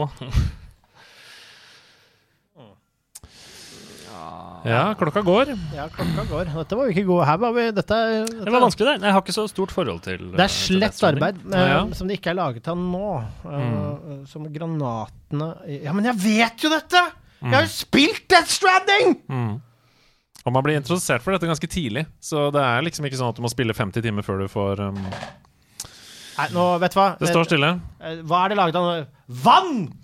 Du er fryktelig nære, men det er feil. Uh, hovedpersonen Sam Porter Bridges sine ekskrementer Ah, bæsja. ja.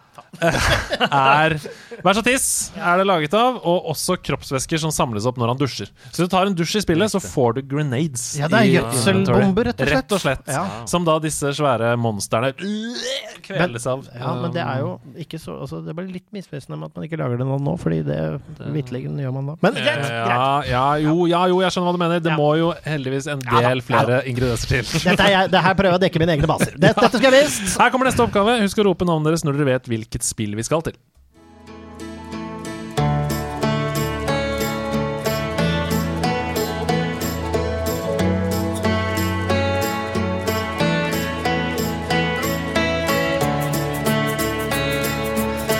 Gåsehud! Se, da!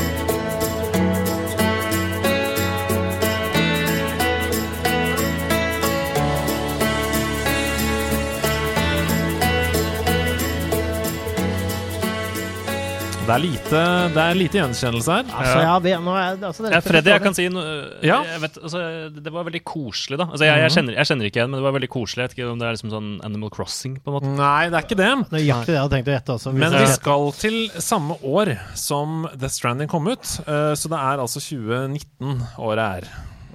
Dung, dung, dung. Sebastian, mm. er det What Remains of Edith Finch? Eh, nei, det er det ikke, men okay. det kunne vært det. Det Altså. kunne vært det. Eh, Du er inne på noe Det er samme utgiver. Det er Anapurna. Det er Anapurna, ja. Mm. Ikke samme produksjonsselskap, men samme utgiver. 2019 kom dette spillet. Mhm. Eh. Det er litt sånn rural vib. Ja. Ja. Eh, litt rural vib. Vant noen priser da det kom. Er et lite indiespill som jo er det meste Anapurna tar i. Ja, eh, Sebastian. Mm. Er det Firewatch? Nei da, det er ikke det, men nå er du nære. Ja, nettopp. Mhm. Ha! Ja, dette er utafor min uh, Ja, vi min skal bane. ut i verdensrommet. ah, ja. Å! Nei, Snø! nei, Ja, det, det er din tur. Freddy? Ja. Er, det, det- nei, nei, det er ikke Among us. Nei da, Nei, det er ikke. Among us, nei. Ja.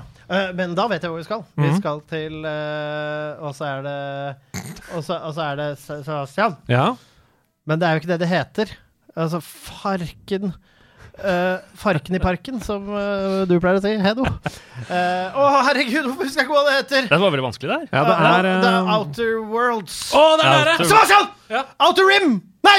Outer Space! Uh, hva faen er det det heter? Du vet, du vet jeg vet Ja, hvilken det er! Tidssyklus. Nå det er, vet jeg hva det er. du er en tidssyklus som skal rømme fra planeten. Ja, Svein, det er kjempegøy! Du skal rømme fra planeten! Du må bygge raketten Outer Worlds! Nei, det er sagt! Outer Rims! Outer Space! Nei, du skal få for det. du skal få for det Det er The Outer Wilds. vi snakker om her. Eh, og det er ikke noe The foran heller. Det er Outer Wilds. Ja, men det er de jeg heter. blander alltid. Ja, det er de du blander. Jeg, vi- Ok. jeg visste hva det var. Halvt Ja, da, poeng. du, nei, du får ett poeng, faktisk. Ja! Fordi det var, du var helt riktig. Ah, Ok, shit. Oppfølgingsspørsmål til Outer Wilds. I 2021 så kom det jo veldig mange spill som på en eller annen måte handla om en tidsloop. Eh, som du var inne på her. Eh, og Outer Wilds satte jo en moderne standard for tidsloop da det kom i 2019. Og her vil jeg, her vil jeg bare ha et svar fra hver av dere. Hvor lang er tidsloopen i Outer Wilds? Jeg bare gønner på med en dag, jeg. Det, Ja, 24 timer. 24 timer. Jeg ser I real time, på en måte. Eh, ja. Eh, det er vel en Hva er det for noe? Er det 45 minutter, går jeg for. 45 minutter. Ja. Du er nærmest, Sebastian. Det er 22 minutter Ja. som er um, timeloopen. Eh, så det vil si at du får ett poeng der, og du har da to poeng til sammen. Vi skal til de to siste oppgavene. Husk å rope navnet når dere vet hvor vi skal.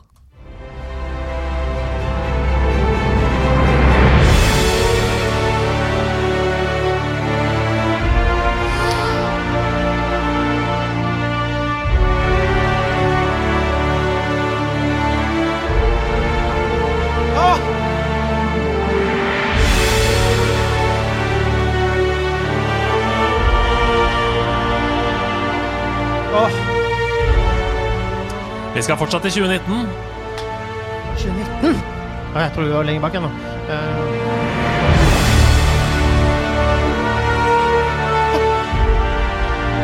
Freddy? Ja. Det var ikke noe sånn Prince of Persia-remake det året? Ja. Nei. Men Eller det kan det ha vært. Men det var fordi det var, jeg hadde også Prince of Persia. Vi tenker sånn. Ja. Great mind. Men, eh, men Det, det er vanskelig denne uka her. det, det, det er vanskelig, men 2019 Og det føles jo stort. Det, høres ut som noe jeg liker, så jeg Ja, ja. litt sånn irritert over å ja. Oh, hva? Ja. Det er stort. Er det, det kan ikke være det, for det ville jo vært Det ville vært for Men er det, Sebastian, er det Phoenix? Nei da, det er ikke Nei. det. Men det kunne vært det. Immortals Phoenix Rising. Altså, vi skal nok en gang ut i verdensrommet. Ut i verdensrommet i 19. Ja, 2019-verdensrommet. ja det var mye verdensrom i 2019. Ja, nina, nina, ni. Eh, falsk alarm. Eh, Falsk alarm i sikringsboksen til Å, Er, ikke noe, er det Outer Worlds nå? da? Ja! Ja, det er det!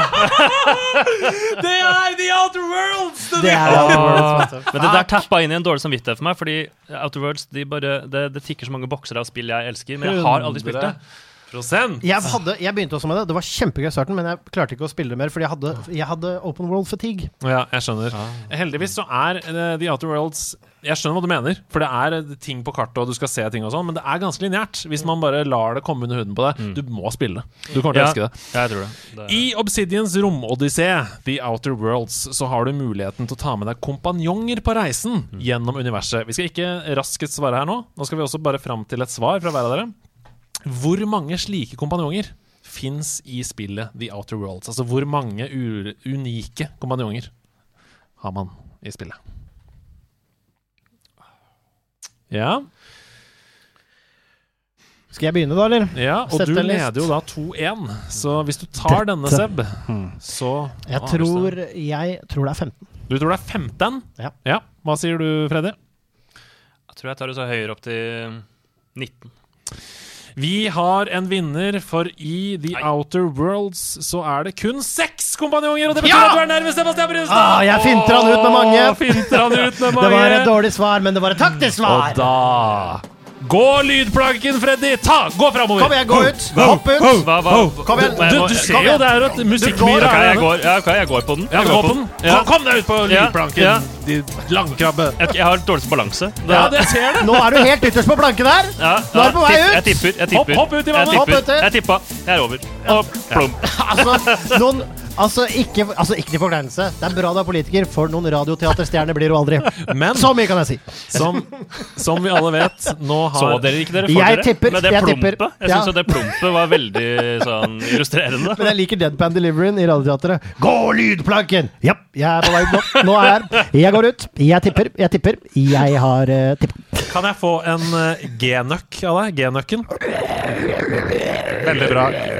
G-nøkken har spist deg, okay, eh, og vi søren. går videre. Ja. Det var mye genøk i dag.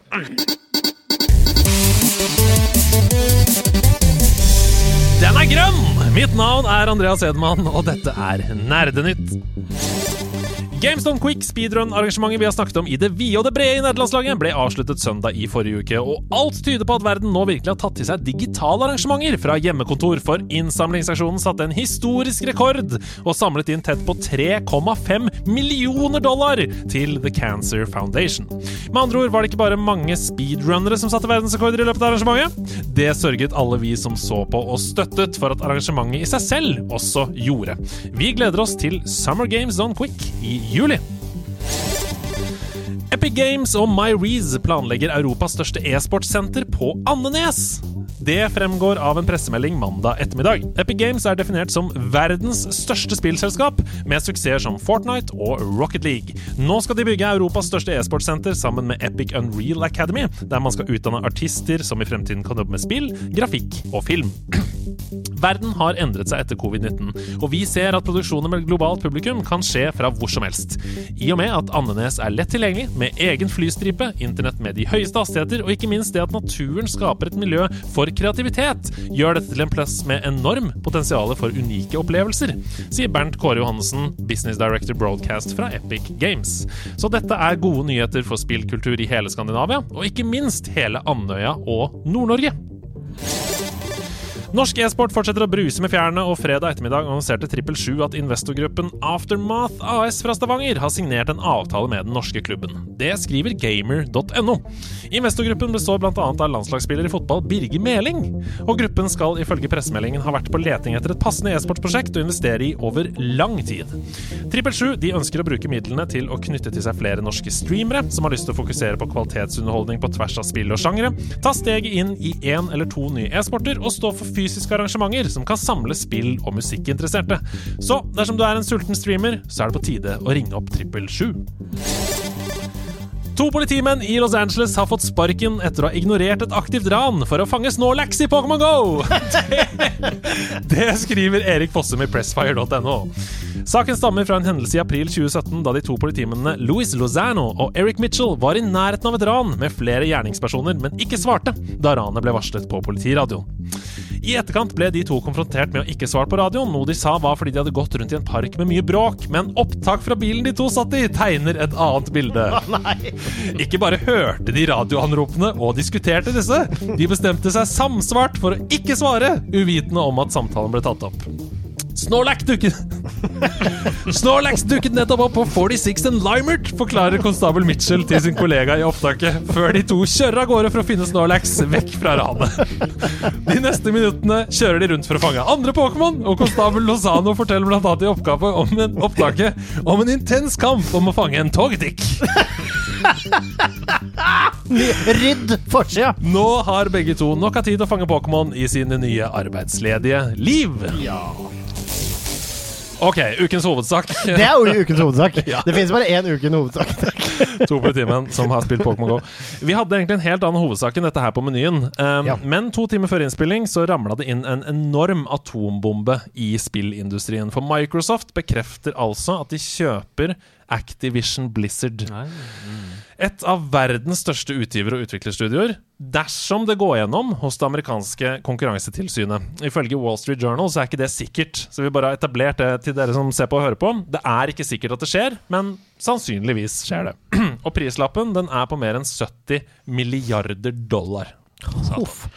Altså, her, skal, her går jo Microsoft for store slem, da. Absolutt. Oppkjøpet det inkluderer alle studiene som er under Activision Blizzard. og Det betyr jo at Microsoft da får serier som Call of Duty, Warcraft, Crash Bandicoot, Starcraft, Overwatch, Spyro, Candy Crush, Tony Hawks Pro Skater, Diablo, Doom og masse, masse flere under sin um, fane.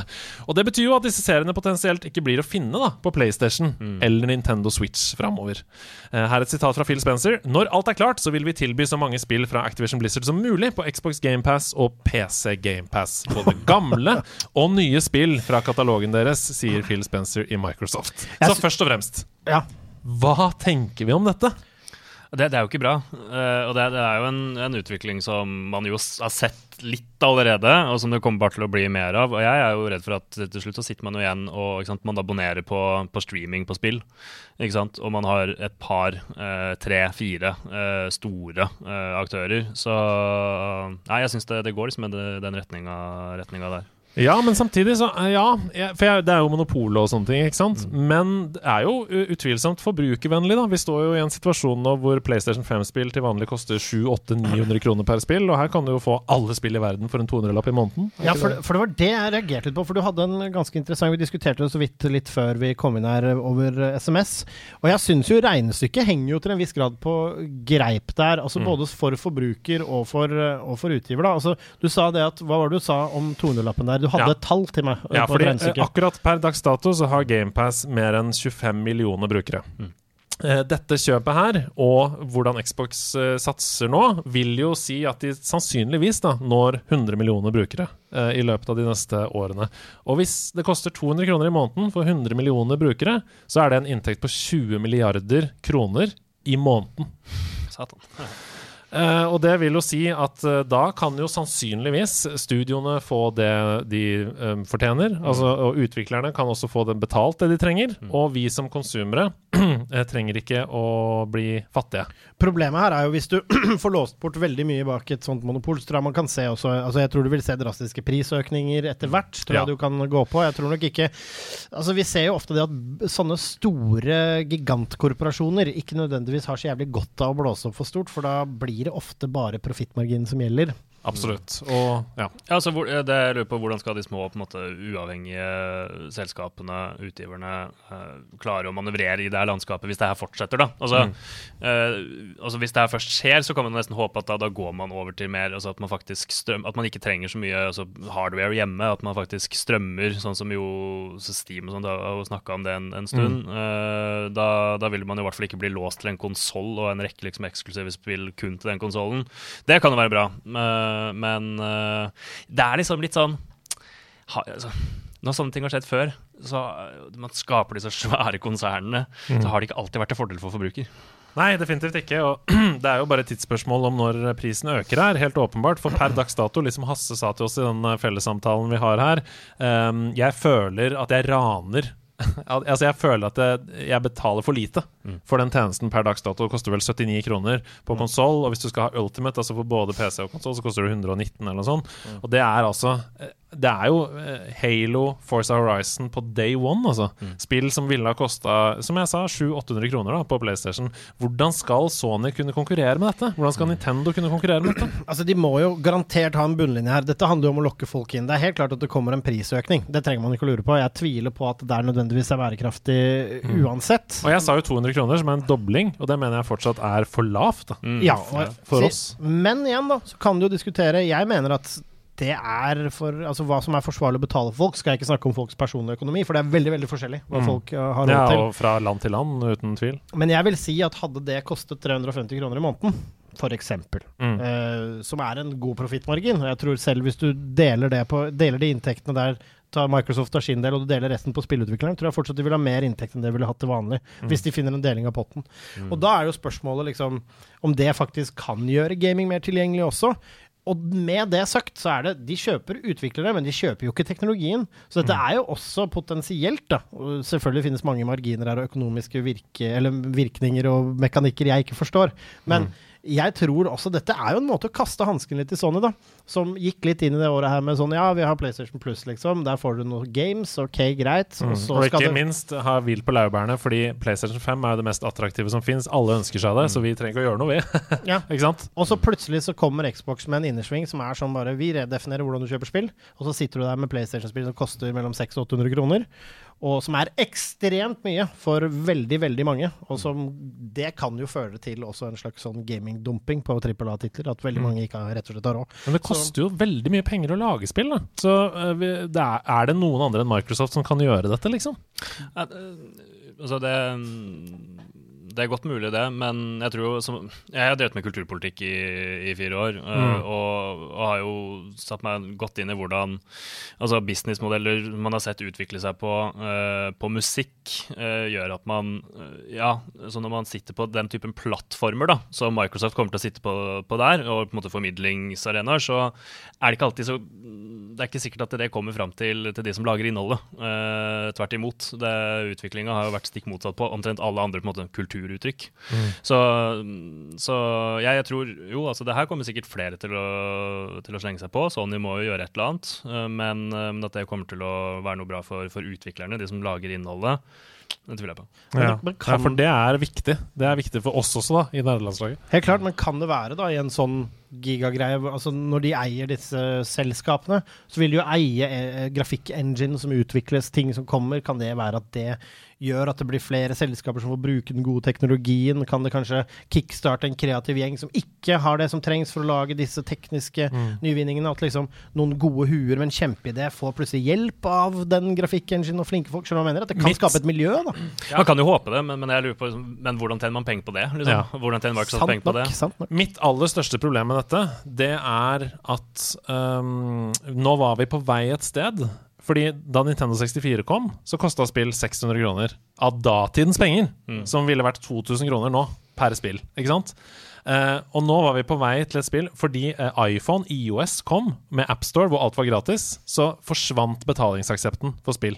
Folk var ikke villige til å legge penger på bordet for å kjøpe et spill lenger da eh, AppStore kom. Nå var vi på vei et sted hvor den var på vei til å øke igjen.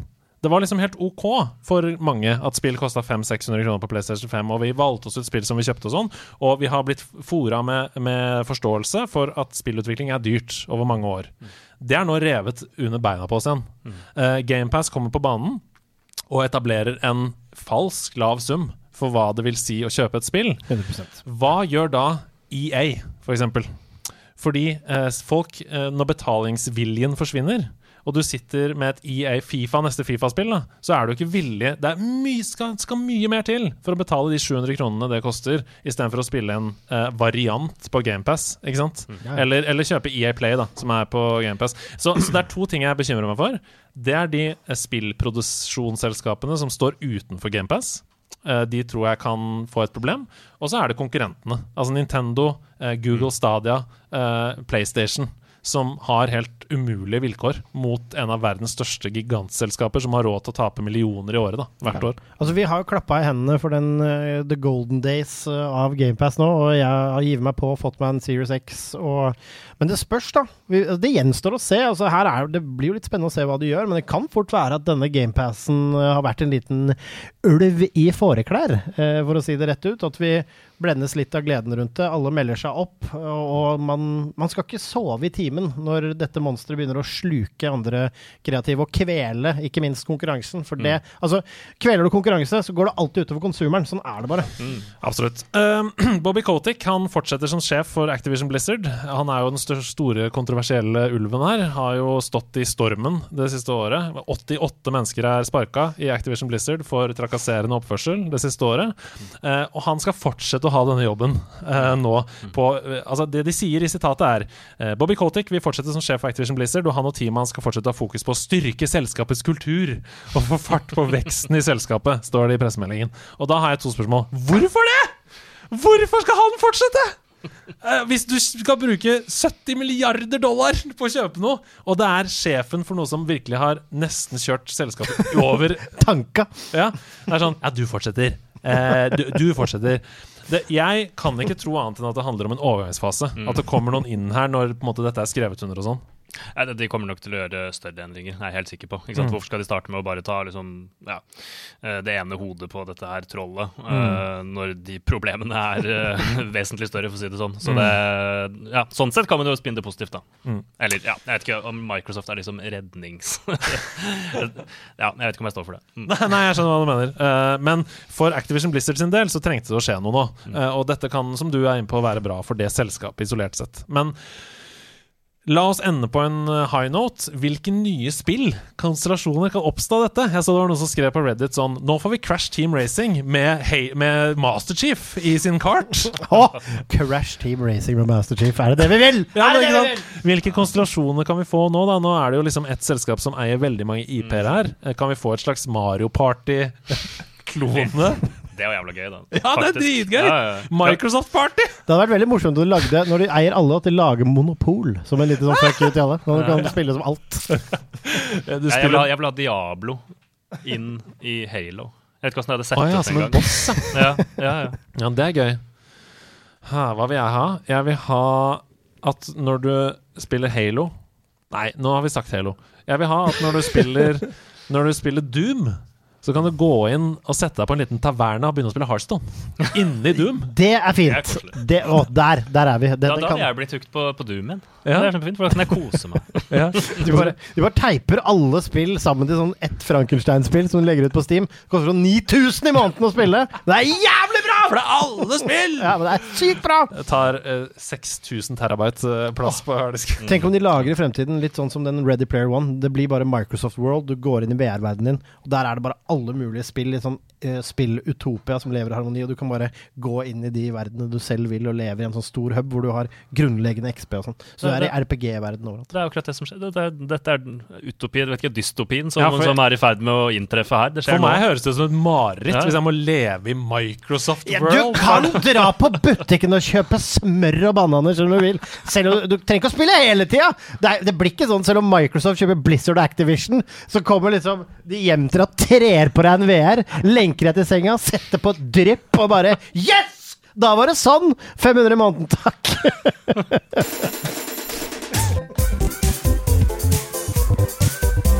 Karakterkortet. Det stemmer! Det er meg, da. Vi er i skolegården, tror jeg. Eh, vi er i hvert fall et sted der hvor det er et karakterkort. I um, Karakterkortet, denne helt nye spalten, så er det sånn at eh, en av oss har forberedt en spillkarakter. Vi har gått inn i den spillkarakteren i løpet av uka og prøvd å, å eh, tilnærme oss den på den best mulige måte. Og så er det sånn at vi to, for det er Sebastian som har gått inn i en rolle denne uka, skal intervjue denne karakteren. Ja. Og i, i ett minutt. Og når vi er ferdig, så skal eh, vi gi hver vår karakter. Sånn at Sebastians vitnemål, det digitale vitnemålet på nederlandslaget.com, Der står det eh, Si at det er f.eks. Um, Link han har valgt. Så står det liksom Link 4 pluss, f.eks. på ok. nederlandslaget.com. Kan si så mye som denne gangen, for å avbryte deg, Ja. at jeg har brukt mye tid på å leve som denne karakteren nå. Nå har jeg gått Daniel Day-Lewis-metoden. Du har metadekta deg inn i en spillkarakter? I 14 dager nå, halve dagen etter jobb, så har jeg levd som vedkommende. For at dette skal bli den trestrøkne sekseren. Jeg har gått inn i nyansene av hvordan denne personen ville svart, hvordan denne personen ville forholdt seg Oi. til det å være og livets eksistens i det hele tatt. Men jeg foretrekker om du stiller ja-nei-spørsmål. Ja, det er bra. Uh, det får ikke noe ja-nei-spørsmål. Det Ok, kan jeg bra. Tusen takk. Uh, for det første, er du komfortabel med intervjuet, Freddy? Eller skal Ja, jeg gjøre det, eller skal vi bytte på? Altså, hvis du, du kan jo kanskje starte, Mm. uh, så jeg ser litt sånn hvor det, hvor det går. Ja, Uh, og da er det sånn at det tar ett minutt, så jeg sitter her og ser på klokka mi, og så Ja. bare starter jeg å stille spørsmål først og fremst, hvem er det vi skal få møte? Det er Link, ja. Det er Link! Det er Link! Det er, det er Link. Det er Link! Det er den grønnkledde helten fra Hyrule Det vi er skal det. møte. Det er det. Uh, Da starter jeg intervjuet om eh, bare noen få sekunder her. Og der er vi i gang. Hjertelig velkommen hit til nederlandslaget Link. Ja!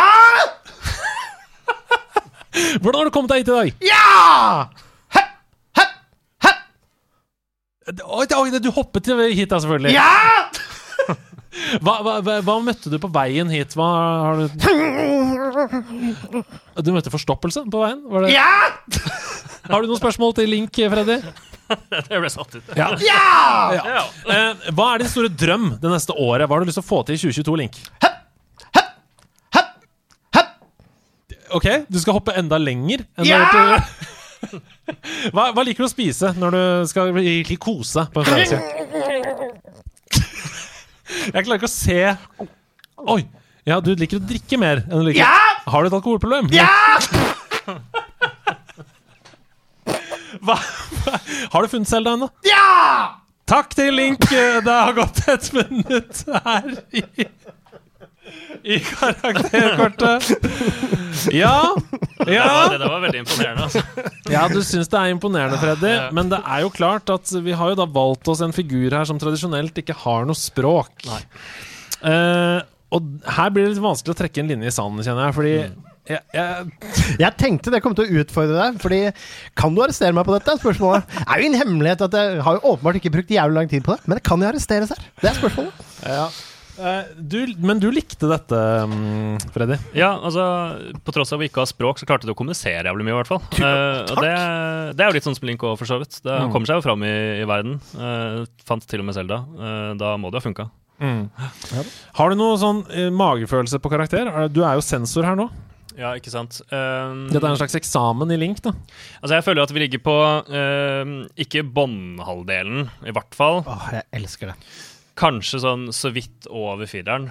Kanskje Ja. det er en sterk firer. Ja, en fire pluss fra, Ja. fra deg. Ja. Ja, det er ikke noe dårlig sted å starte for du hva? Sebastian Jeg, Brunestad. jeg sier det som Hasse. Det er en fantastisk karakter å få! Så har du noe å strekke deg etter. Ja. Jeg er ikke helt der. Eh, Nei, nå, ikke skal, nå kommer han! Surmaga onkel Tom. Altså, det er, altså det er Dårlig gjort å kalle han onkel Tom. Det har jo ingenting som nede. Men, eh, men onkelen min heter faktisk Tom. Fun fact. Ja, Jeg liker folk som heter Tom. Jeg er generelt Tom Aabyholm, fin fyr fra ungdomsskolen. Nok Tom. Nok Tomprat! Oh! Ja! Ja! Ja! Det er det, er det beste jeg har hørt i dag. Takk. Wow. OK. Uh, det, vet du hva? Det vipper meg opp til en firer. Ja, Hedemann! Dette kommer til å komme deg til gode senere. Dette, akkurat dette her er Temple of Time all over again. Vi klør hverandres rygg. Jeg er steinfornøyd jeg er på fire, fordi det var ikke en Daniel Day Lewis-performance. Dette piska jeg sammen på bakrommet på fem minutter. Vi hadde glemt at jeg skulle gjøre. What? Surely what you're saying is a balderdash of ox's feces, sausage tissue, urine talk. On, on the contrary, no, no, no, no. I'm back to differ! De nerde strides. For en vignett! Altså, Det er en spalte dere aldri har hørt før. Vignetten er jo eminent. eh, og eh, ordspillet på spalten er minst like eminent. De nerde strides. Jeg, brukte, jeg, jeg, jeg forsto det ikke når jeg først skulle si De nerdestrid. Ja. Og så, så skjønte jeg det, og jeg, jeg lo uh, for meg selv på kontoret tidligere i dag. Ja, det er Så deilig. Og i De nerde strides så har du forberedt en kontroversiell mening som du har tatt med deg inn hit i studioet vårt, og vi skal diskutere det. Så får vi se, da. Er vi enige? Er vi uenige? Eh, klarer vi å sette oss på begge sider av bordet, eller skal vi bli like tverre som deg? Ja, ja, Det er spørsmålet. De nerde kan strides. Ja, Freddy. Ja, altså, eh, jeg tok opp det fordi mm, det spillet her begynte jeg å spille en typ i over i går. Eh, av en eller annen eh, grunn så tok jeg det opp igjen. Ja. Eh, og det er rett og slett Cyberpunk eh, Ja. 2077. Vi skal til Night City. Mm, skal vi. det skal vi. Mm. Og min, eh, min kontroversielle mening der er at eh, det er et fantastisk spill. Oi! Eh, og, og la meg liksom uh, begrunne det litt, fordi det, Ok, nei, altså vet du hva? La, dvel i ett sekund. Ja. Fordi dette kaller jeg å tenne på den såkalte brannfakkelen med innebygd molotov-cocktail og bæsjegranat fra Death Stranding og skitte inn i værelset. Men fortsett, vær så god. ja, Det er et nei, fantastisk spill. Hvorfor, hvorfor syns du det? nei, altså, det, det, det har bare vært baluba om det, og alle var skuffa og kalte det verdens største flopp og sånt nå, og jeg forsto ikke det. Og jeg, min, altså, min begrunnelse er at disse kritikerne av Cyberpunk de setter ikke pris på altså, et stort open world rollespill sin altså, sjel. Altså hva hadde Altså, hva hadde ja, men, men da. Altså, hva hadde Skyrim vært hvis man ikke fløy opp over spillkartet og ut av verden når en kjempe bare tok på deg? Hva, hva hadde Oblivion vært hvis, uh, hvis keiseren uh, så, normalt ut. så normal ut og så på deg og ikke bare begynte å gå mens han snakket til deg inn i en vegg og forsvant, og så må du starte på nytt? Ja. Dette er jo sjarmen. Det her er sjelen i denne typen spill. Altså Du sitter i den bilen din i Night City, og så brått så er den opp ned og eksploderer. Det er gøy! Men husker du cutscenen også? Altså det bare Apropos min favorittbug fra Night City. Det er, en av de, det er helt i anslag av spillet. De må ha spilt det tusenvis av ganger og beta-testa! For, for han sitter, han fyren, han som kompisen din som dør i start, helt i starten. Plutselig så setter han pistolen mot sitt eget hode, sånn helt uten at Det har ikke noe med saken å gjøre. Plutselig kommer armen hans, så trer han den igjennom hodet. Sant? Og så begynner hodet å rotere rundt sin egen akse. Og så sitter du og har en veldig alvorlig sånn tell, Please tell your mama. Go ta- take, care- please take care of my mama. Mens han driver og gjør sinnssyke ablegøyer. For meg så er det forskjell på en liten sånn morsom konge som forsvinner gjennom veggen eh, av og til, og liksom totalt immersion-breaking bugs, da. Ok. Ja, men jeg synes det, men det, det blir bare desto bedre eh, av liksom kreativiteten i hva de har ikke klart å fange opp før de la ut spillet, er jo bare litt vakkert. Ok, jeg hører hva du sier. Uh, Bug-messig har jeg ikke så mye å skyte inn på. Eh, jeg var ufattelig provosert da jeg spilte, og jeg spilte det på PlayStation 5, altså. Jeg spilte ikke på PlayStation 4. Um, og um, det krasja ganske ofte. Men da jeg endelig følte noe for Cyberpunk Den første gang jeg var i nærheten av å føle noe i spillet, det var mot slutten, mot rulleteksten, og så krasja det. Det krasja i liksom sånn Nå hører jeg på deg som sier noe til meg. Yeah. Uh, uforståelig problem. Jeg åpna det aldri igjen. Men bugsene er ikke det største problemet mitt med Cyberpunk. Punk. Cyberpunk er en kald, upersonlig verden der NPC-ene ikke har noe karakter. Der hvor de går i mønstre fram og tilbake. Du kan ikke gå inn noen dører, nesten! Og det er ikke noe levende verden i det hele tatt. Det er en kjedelig main story som ikke tar deg noe sted. Når du, når du har hosta 70 ganger, og det er det eneste grepet historiefortellerne makter å gjøre, det er sånn Å, jeg holder på å dø igjen! For 70. gang! Så føler du sånn Det har ikke en dritt å si om jeg går opp i det tårnet her og dreper han fyren her. Eh, den byen her klarer seg fint uten meg, for det er ikke noe by. Den lever ikke. Ja, og så meldte jeg på Jeg prøvde også immersion. Altså, jeg mekka det også. Det er min Og, kontroversielle brannfakkel. men jeg hadde noen good times i Cyberpunk, fordi det er konturene av alt det spillet kunne vært, er der. Og eh, hele den greia med å få tak i Porscha til uh, Rock and Janny og faen het. Ikke sant? Jeg husker ikke karakteren engang, men Keanu Reeves sin Porsche og sånn, var liksom litt sånn Den hadde litt lyst på å brenne rundt i byen og sånn, men kjøringa føltes ikke sweet. Kjøringen er forferdelig. Og så er det, det, er li, det er lite liv der, og så plutselig så er det sånn Oi, en fight club-minigreie. Bli den beste fighteren, liksom, i byen. Og så joiner jeg opp på en gjeng på et tak, hvor igjen det er noen karer i baris. Så det er sånn, en fight hvor den ene bare bretter armene inn sånn og gjør sånn her. Og så kommer han mot meg. Så slår jeg han en gang, så bøgger han halvveis gjennom bakken. Og så forsvinner han ut. Og så bøgger det ut, så jeg får ikke gjort Fight Club Quest! Men det er jo bare det, er det jeg elsker. To, to, konkrete ting, to konkrete ting som ikke har noe med bugs å gjøre, som er kritikk til hvordan spillet er bygd. Eh, Det første Hvis du tisser på gata, så spåner det syv politimenn bak deg! De spåner bak deg. Det, aldri, du, hvis, du, det visste jeg ikke. hvis du gjør noe feil, så snur du deg rundt, så er politiet der. Det Ja, ikke sånn de sånn- ja. det er ikke sånn at det er Til spillets, forsvar, de gangene jeg har pissa på gata og blitt tatt av det, så har alltid politimennene spåna bak meg i virkeligheten òg. De kommer aldri foran. De kommer Nei, men aldri det er, bare, det er ikke noe AI der. Altså, De bare dukker opp. Det er ikke sånn at de kommer kjørende om en stund, og du har tid til å løpe vekk og sånn. Det er det ene. Det andre er Å nei, nå glemte jeg det. Du snakka om det barfights på, på taket. Ja, Så glitcher de gjennom bakken, Ja, og så låser Questet seg. ja Nei, det var ikke det. Det Ah, er, sorry, det er, hvordan, det. det er hvordan det er bygd. Altså, det, det har ikke noe med glitch å gjøre. Det er bare hvordan, hvordan det utvikler seg. Bi- Bilkjøringa dårlig. Altså, det, akkurat den er Ja. jeg enig i. Altså, bilkjøringa er ikke Det er jo ikke et bilkjørespill, så det er ikke det Nei. det er. Men det er Men, men jeg- jeg, hadde men mitt, jeg hadde mitt yndlingsøyeblikk i bil. Jeg satt i Porscha, brenner ut av metropolen, får endelig litt flyt, liksom. Det er litt bra musikk, det er Mm. natt, det er cyber. Og så kommer du ut av byen, og så hever scope seg litt, og så kjører du ut i ørkenen der, og du Mm. ser hvor stor og ekkel den er, bygd i en sånn død verden. Da får jeg litt Blade Runner-vibben. Og sånn Jeg skjønner hva, hvor dere vil! Jeg skjønner Mm. Ja. hva dere kunne vært! Ja, for, men det er det jeg mener med, med verden. Sånn, ja, OK, uh, det er ikke NPC man kan ha det noe særlig gøy med. Uh, de, de er der, Uh, og, og bare Ja, man kan kjøre på dem uten at det skjer noe. Det, det syns jeg er gøy. Men, Jeg men- spiller alltid et spill når jeg spiller Cyberpunk. Jeg Du, men det er rart, det er men rart å drite i NPC-er når det er et singleplayerspill. Singleplayerspill, Samme med NPC-er. Ja, faen, skal du kjøre rundt aleine der, da? Ja, men jeg synes det er mange interessante karakterer som man møter liksom, i storyen, som veier opp for det. Og så synes jeg, og det er det som er også noe av min store uenighet da, med, med kritikken, jeg syns at verden er veldig fin. Uh, og på tross av at NPC-en ikke er så levende, så syns jeg at uh, jeg får en stemning av å være der, med musikken, også soundtracket er jævlig bra. Eh, og visuelt, selv om det ikke er liksom liksom banebrytende, så er det liksom satt sammen fint. Eh, altså, jeg kan se for meg liksom at, eh, at artworket her har liksom hatt veldig vært i førersetet. Jeg tror det er mye bedre enn spill, ja. Ja, men jeg, det, jeg setter pris på det. det Jeg ble bare- jeg kjører rundt, og selv om ikke jeg kan gjøre noe med disse MPC-ene, så, så føler jeg at jeg er, liksom, jeg er i Night City. Men Våpensystemet er er dårlig balansert. er Eh, med en gang du begynner å bruke blades, så tar det ca. ti minutter. Du er fullstendig overpowered. Du kan stå sånn her og bli skutt på 70 ganger av en boss. Det har ingenting å si. Du bare blader han i trynet én gang, så er han død. Og du trenger, jeg, trengte ikke, jeg trengte ikke å augmente kroppen min. Jeg trengte bare å augmente kroppen de gangene det ble krevd av spillet. Eneste gangen jeg Det er ting som bare Det bare forstyrrer, fordi det er så dårlig balansert. Men mener du sånn helt seriøst Jeg skjønner at du liker bugs og syns det er litt Mm. morsomt, og at du liker det som skjer her og sånn, men dette er var lansert til, som en fullpris trippel A. Og Mm. mener du at det er forsvarlig i det hele tatt å levere noe sånt til salgs? Ja, jeg, jeg syns det. Altså, jeg, jeg har... da har du spilt for mye Garry's Mod! Dette er jo en Garry's Mod av Blade Runner. ja, og, det, og det er jo perfekt. Altså, hvis, hvis de hadde solgt det inn sånn Ok, kanskje det er det. Da kanskje at markedsføringa har vært feil. Fordi altså, det, treffer, det treffer folk som meg. Jeg elsker det. Det er akkurat det jeg vil bruke liksom, alle mine Du spillpenger ville på. hatt samme reklame som Goat Simulator, Ja, på en måte. ja, kanskje- kanskje da hadde det vært greit. Men da hadde det vært greit. Korktavla henger fortsatt bak uh, ryggen til Sebastian. Eller den henger der. Vi har ikke fire kameraer, så dere, dere kan ikke se den. Men det er en enorm korktavle i enden her. er Vi skal snart kjøpe kamera nummer fire, sånn at dere kan få se den, dere også. På en måte Men- korktavlen Sistinske kapell inne. Ja, ja, det er det.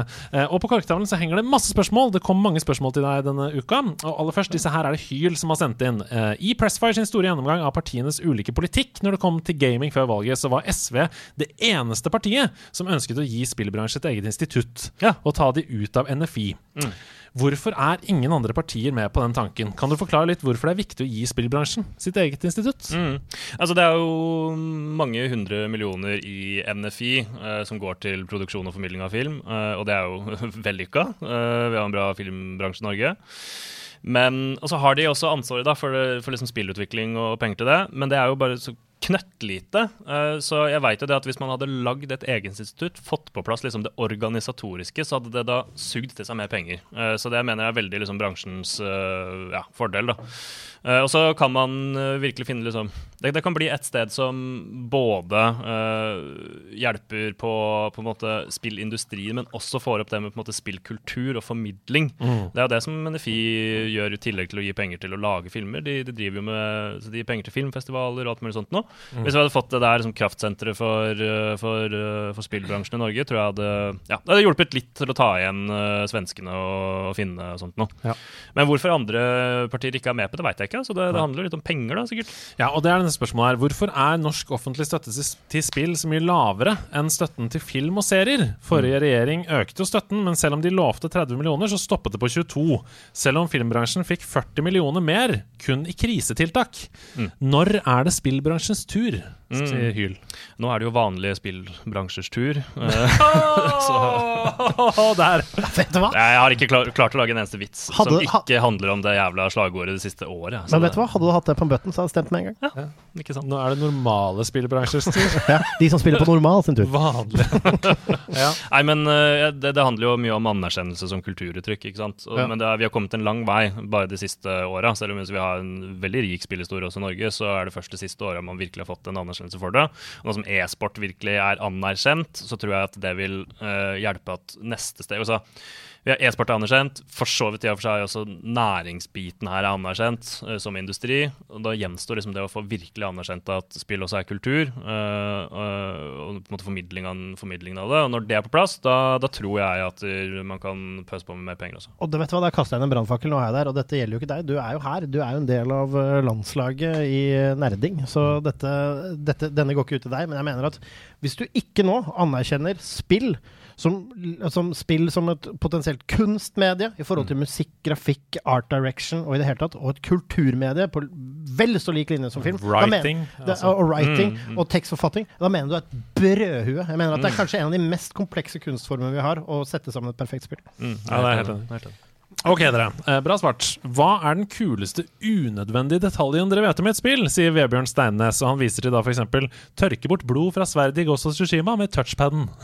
Det er en av de viktigste detaljene vi har i et spill. Evnen til, etter du har vunnet Altså Hvis du hakker deg gjennom på easy, så skjønner jeg at det kanskje er litt sånn Hvorfor det? Men når jeg har slåss i liksom 20 minutter sammenhengende med horder av mongolere, og jeg står igjen Goff!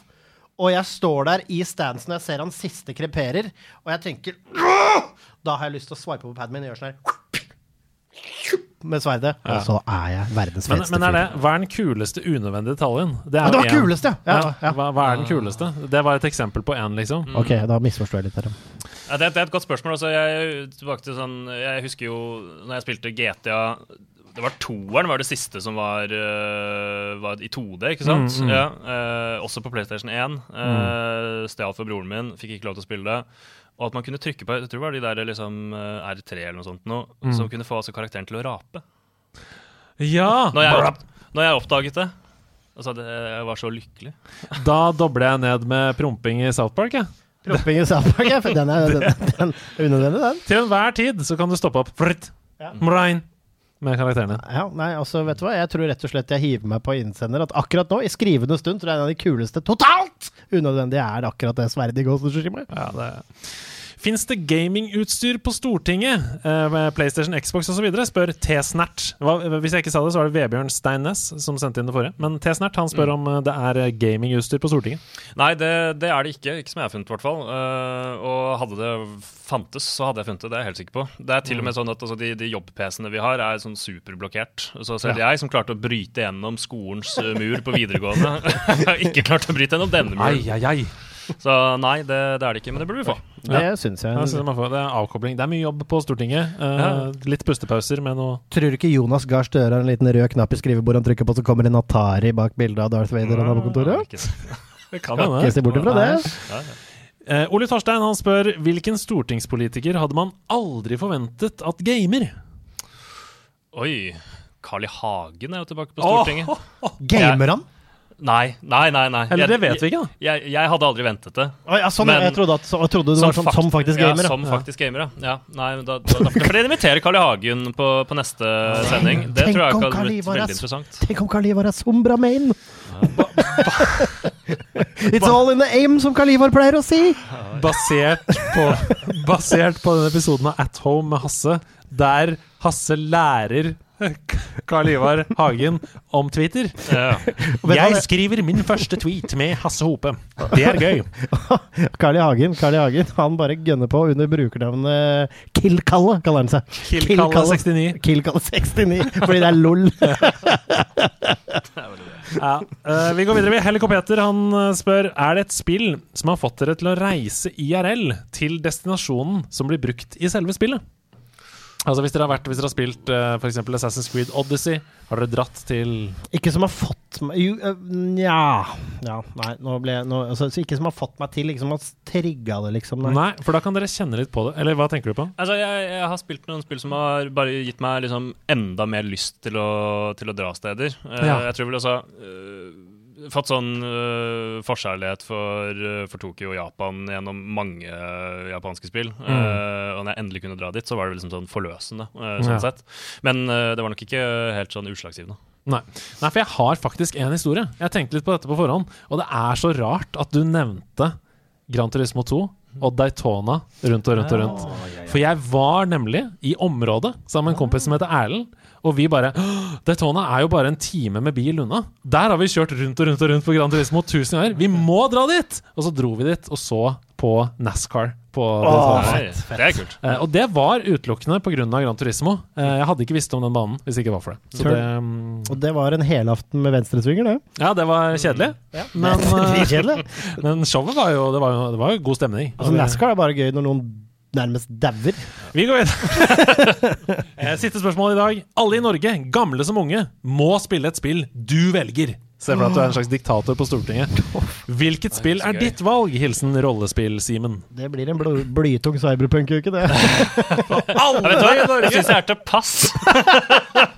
Da får vi faen meg lære seg å sette pris på stor kunst. Ja, blir det det? Blir det cyberpunk på alle? Nei. Nei, nei, det Nå må det- du tenke som en storsinnet politiker her. Hva Ja. vil gi deg færrest fiender, for Oi, eksempel? ja, men det, det er jo ikke noe interessant. Oi! Uh, Oi, her er det en som er klar, ja. Jeg vet da, da, da tror jeg at jeg vil eh, gå litt tilbake til, eh, til roten og, og rett og slett sette opp uh, Morrowind, altså Elder oh, Åh. Morrowind. Ingen dum Ikke noe dum ikke, altså, vet du hva? Ikke et dumt lite nytelsesflashback der. Ja. God skole, det også, for de som Ja. ikke gamer. Jeg tenker det, fordi ja, det, det, Hvis man skulle virkelig sette seg og, liksom, og sette pris på, på hvor stor kultur det der er, så liksom, start der, så, så er du i gang. til. Hjertelig velkommen til nyhetene. Diktatoren Freddy André Øvstegård har i dag bestemt at alle i Norges befolkning skal spille Morrowind fra start til slutt. Dere vil få en eh, laptop utdelt i morgen på, på døra deres, alle. Det er sånn Morrowind med den eldgamle grafikken. Ja. Se for deg. Ja, jeg blir inspirert. Mitt Morrowind-grafikkøyeblikk. Morrowind blåste trynet av oss vet du, når vi var kids. Ja. Jeg husker Even Gallager. Shout-out til deg. Hei, Even. Eh, han hadde det på PC. Det er det PC. råeste navnet jeg har hørt. Even Gallager. Ja, Even, Even Patrick Gallager. Ikke ring han da, han er en vanlig sivil mann. Ja. Men han, han, han vi bare, Du må komme hjem til meg! Jeg har fått Morrowind på PC-en. Bare, Du må komme hjem til meg! Og så er det sånn én ting vi skal gjøre. Bli med her! Ok, vent litt, jeg må bare gå her. Må gå. Se på vannet! Se på vannet! Alltid! Og vi bare ble blåst. Jeg husker, at, jeg, husker at, jeg husker hvordan vannet så ut. Og selvfølgelig, når jeg ser det nå, så var det ikke akkurat sånn som jeg husker det. Nei. Men jeg husker det sånn som vannet er i Sea of Ja. Thieves nå, liksom. Bare sånn, Mm. Å, herregud, det var bare en dam som var mulig å se litt igjennom, og hadde litt Ja. krusing, men det blåste meg. Ja, men det var det samme med meg i Skyrim òg. Første jeg var bare sånn Vannet?! Mm. Det er sjukt. Kommer vannet til å fortsette å liksom uh, amaze oss også om ti år? Vet du hva, det, det er jo ikke til å komme unna at når Sea of Thieves, som jeg plukka opp relativt seint i det spillets levetid. Første jeg tenkte, var vann! Fy faen, vann!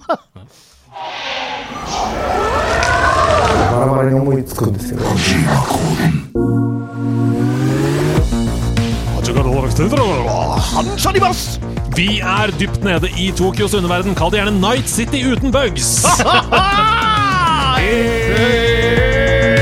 Hideo Kojima,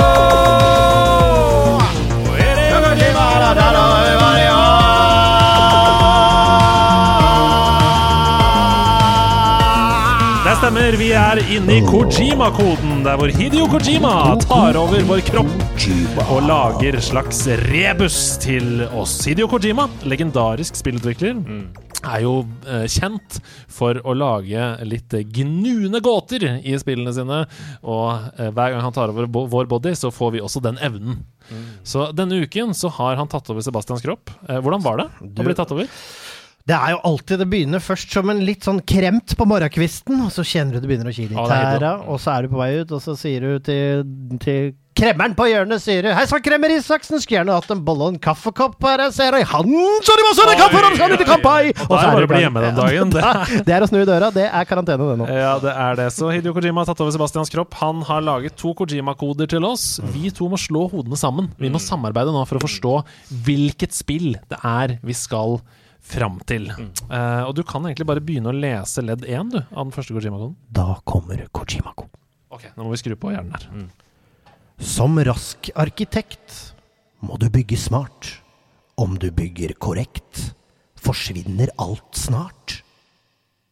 Tetris. Ja, det må være Tetris! Det er Tetris! Tetris! det, det er bang on! Bang on! Det må være Tetris, var det første jeg tenkte også. Ja. Bang on. Den var, den var kanskje litt lett, men jeg var så fornøyd med den. Ja, men den var nydelig! Um, neste gang, ikke, ikke spoil at det var riktig med en gang. Eh, ok, ok. For vi, det, vi, vi, vi, må kunne si, vi må kunne gloate i hvorfor vi forsto det. Ja, fordi det, var for, det det. forsvinner når du legger på. Men du må huske han er politiker, vet du. Har ikke tid til, han har ikke tid til bullshit. Han, Ja, men vi elsker jo å snakke om at vi er smarte. Så Ja. det, ja. men hva var det som gjorde at du med en gang Men der var du veldig god, altså. Du var veldig der god. var du veldig god. Um, Jeg kan ta, ta- andre ledd, da. Ja, en håndholdt affære som har vokst seg stort. En blokkbyggerpøsler for far og for mor. Ja, det er, men det er godt, det. Hidio, mm. Hidio tok deg over Ja, godt. ja, Denne Ja, den neste. Den Ja. Er nok uh, hakket vanskeligere. Ah, hakket mer vanskelig. Ok, ok. Mm. En dans over dyner, et pent stykke kunst, et mystisk eventyr med nytt vennskaps gunst. Ja. Dette tror jeg også jeg vet. Ja. Uh, men du skal få tenke litt på det før jeg kommer med min uh, tese. Altså Dans over dyner. Uh, det er satt til et ørkenspill, hvor Ja. man møter companions. Mm. Eh, jeg, jeg, jeg ser veldig for meg, men jeg kommer ikke på hvilket spill det kan være. Nei, for jeg tenker jo med vennskap her og viktigheten av det, så skal vi vel til et lite spill der man skal til et lysende fjell, eh, nemlig Journey. er tenker på. Han er på ballen! Han er på ballen! Riktig. Han er på ballen! Jeg avslører det med en gang. Jeg avslører det med en gang. Han er på ballen! Oi, det er nødt til å være Journey. Selvsagt Journey. Ja, det var ikke den vanskeligste i dag, men er det ikke litt deilig å Jo, liksom, det at er det deilig. kommer med en gang òg? Kjenner at vi mestrer det. Mm. Ja, vi mestrer. Og Journey, for det er jo det det handler om der. ikke sant? En dans over dyner. Det er jo utvilsomt en dans. Altså, Du sklir jo av sted der. Jeg er litt fornøyd med diktet. Jeg kan lese Ja, det i ja, sin helhet. ja, En dans over dyner, et pent stykke kunst. Et mystisk eventyr med nytt vennskapsgunst. Skjerfet blir lengre mens ferden den går. Når målet så nås, vennens navn du forstår. Ja, for det er jo det som er så magisk med Journey, at du møter jo bare en tilfeldig person som du spiller da gjennom spillet, eh, enten til vedkommende logger av, eller gjennom hele. Og når rulleteksten er over, så får du vite nikket da, på den du har spilt sammen. Og da ble vi, jeg og min venn, vi ble venner på uh, PlayStation. Og er venner den dag i dag, for han spiller også Destiny. Det er det der. vakreste jeg har hørt. Uh, dere er mine venner, Det er hyggelig sagt. Ja. og vi må gå hjem. For nå er det over. Da var denne reisen slutt òg. da var denne reisen slutt. Åh. Skjerfet er blitt for langt. Mm. Tusen tusen takk for at du kom eh, på besøk, Freddy. Det var utrolig hyggelig. Ja. Har du noe du har lyst til å plugge til slutt? Hvor kan man se, finne deg? Har du en Instagram-profil? Er det hva, hva, Ja. Ja, altså da, da kan jeg jo starte nesten der vi, der vi Jeg kan slutte der vi starta. Og ikke reklamere for min Instagram-profil, men eh, reklamere for papegøya mi sin eh, Instagram-profil. Oi! Ja, ja. Da må du tettere på mikken når du nevner den. Så det er altså uh, votsek.instaparrot. Og Whatsapp-funter, Instaparrot. ja, det er kanskje ikke så lett med den der votsekken, men det er altså W-O-Z-Z-E-C-K. Ja. Whatsack Instaparrot, rett inn og følge, i hvert fall. Altså, For en magisk eh, aften. ja, veldig deilig. med, med, så vet du hva? Har vært, en, har vært deilig. Det har vært litt krangling. Det, har vært, altså, det, har vært, det har rett og slett vært politisk eh, kvarter Det på mange måter. det. Og vi har jo hatt andre eh, politikere her også som har fått lov til å ha en liten parole på slutten. Hva, Ja. Er det noe innspill? spill? Hva, hva, hva mener eh, SV og du Sånn helt avslutningsvis, om spillens fremtid. Hva vil dere? Mm. Og det, det er jo viktige spørsmål, da. Mm. Det, så eh, altså at Spill er kultur har jo vært litt sånn mitt sånn slagord for, for det her. Og for folka som hører på denne, denne poden, så er jo det helt åpenbart. Men i politikken så er det faen meg ikke det. Unnskyld, nå banner jeg. Jeg ble, Det er så lov, det Jeg er ble, engasjert, jeg ble engasjert. Det er så lov. Ja. Det er så lov her. Det er så- engasjement. Det er så vakkert når man blir engasjert av seg selv. Fredrik Solberg sitter og hører på, svelger tunga. Hvilket språk de bruker her! nei, så, så jeg lurer på om det er det jeg vil liksom slå, slå fast til slutt. Mm. Men spill er kultur, og det er så koselig. Gå inn og ta en eh, prat med resten av la eh, nerdelandslaget på discorden vår, da vel. Sjekk ut internettsida vår nerdelandslaget.com, hvor du kan følge med på statistikken i karakterkortet. Der ligger det to på fire. Og glem heller ikke, alle sammen, at vi er på Twitch hver torsdag. Det kommer masse nytt spennende content, gjør det ikke det, Andreas? Jo, og kom og møt oss på House of Nerds! For Ja! nå eier vi sjappa! Vi eier sjappa! Nå er det butikk! Jeg- Bare delvis, da. Bare er flere delvis. andre eiere. Det er delvis. Dere kan få se KP i Ja. sin skjønneste glans! Han er en nydelig bartender som serverer de flotteste uh, Pacman-drikker. Dette er ikke reklame for alkohol. Nei. Hvis det er noen som hører på dette. Dette er ikke reklame. Du kan få masse godt eh, brus her. Og Her, er det, vet du hva? Her kan du komme og kun spille TV-spill og ta deg et glass vann! Men nå tar vi kvelden. Tusen takk for at dere hører på. Tusen hjertelig Ha takk for at dere hører på. Ha det, ha det, ha det! Ha det!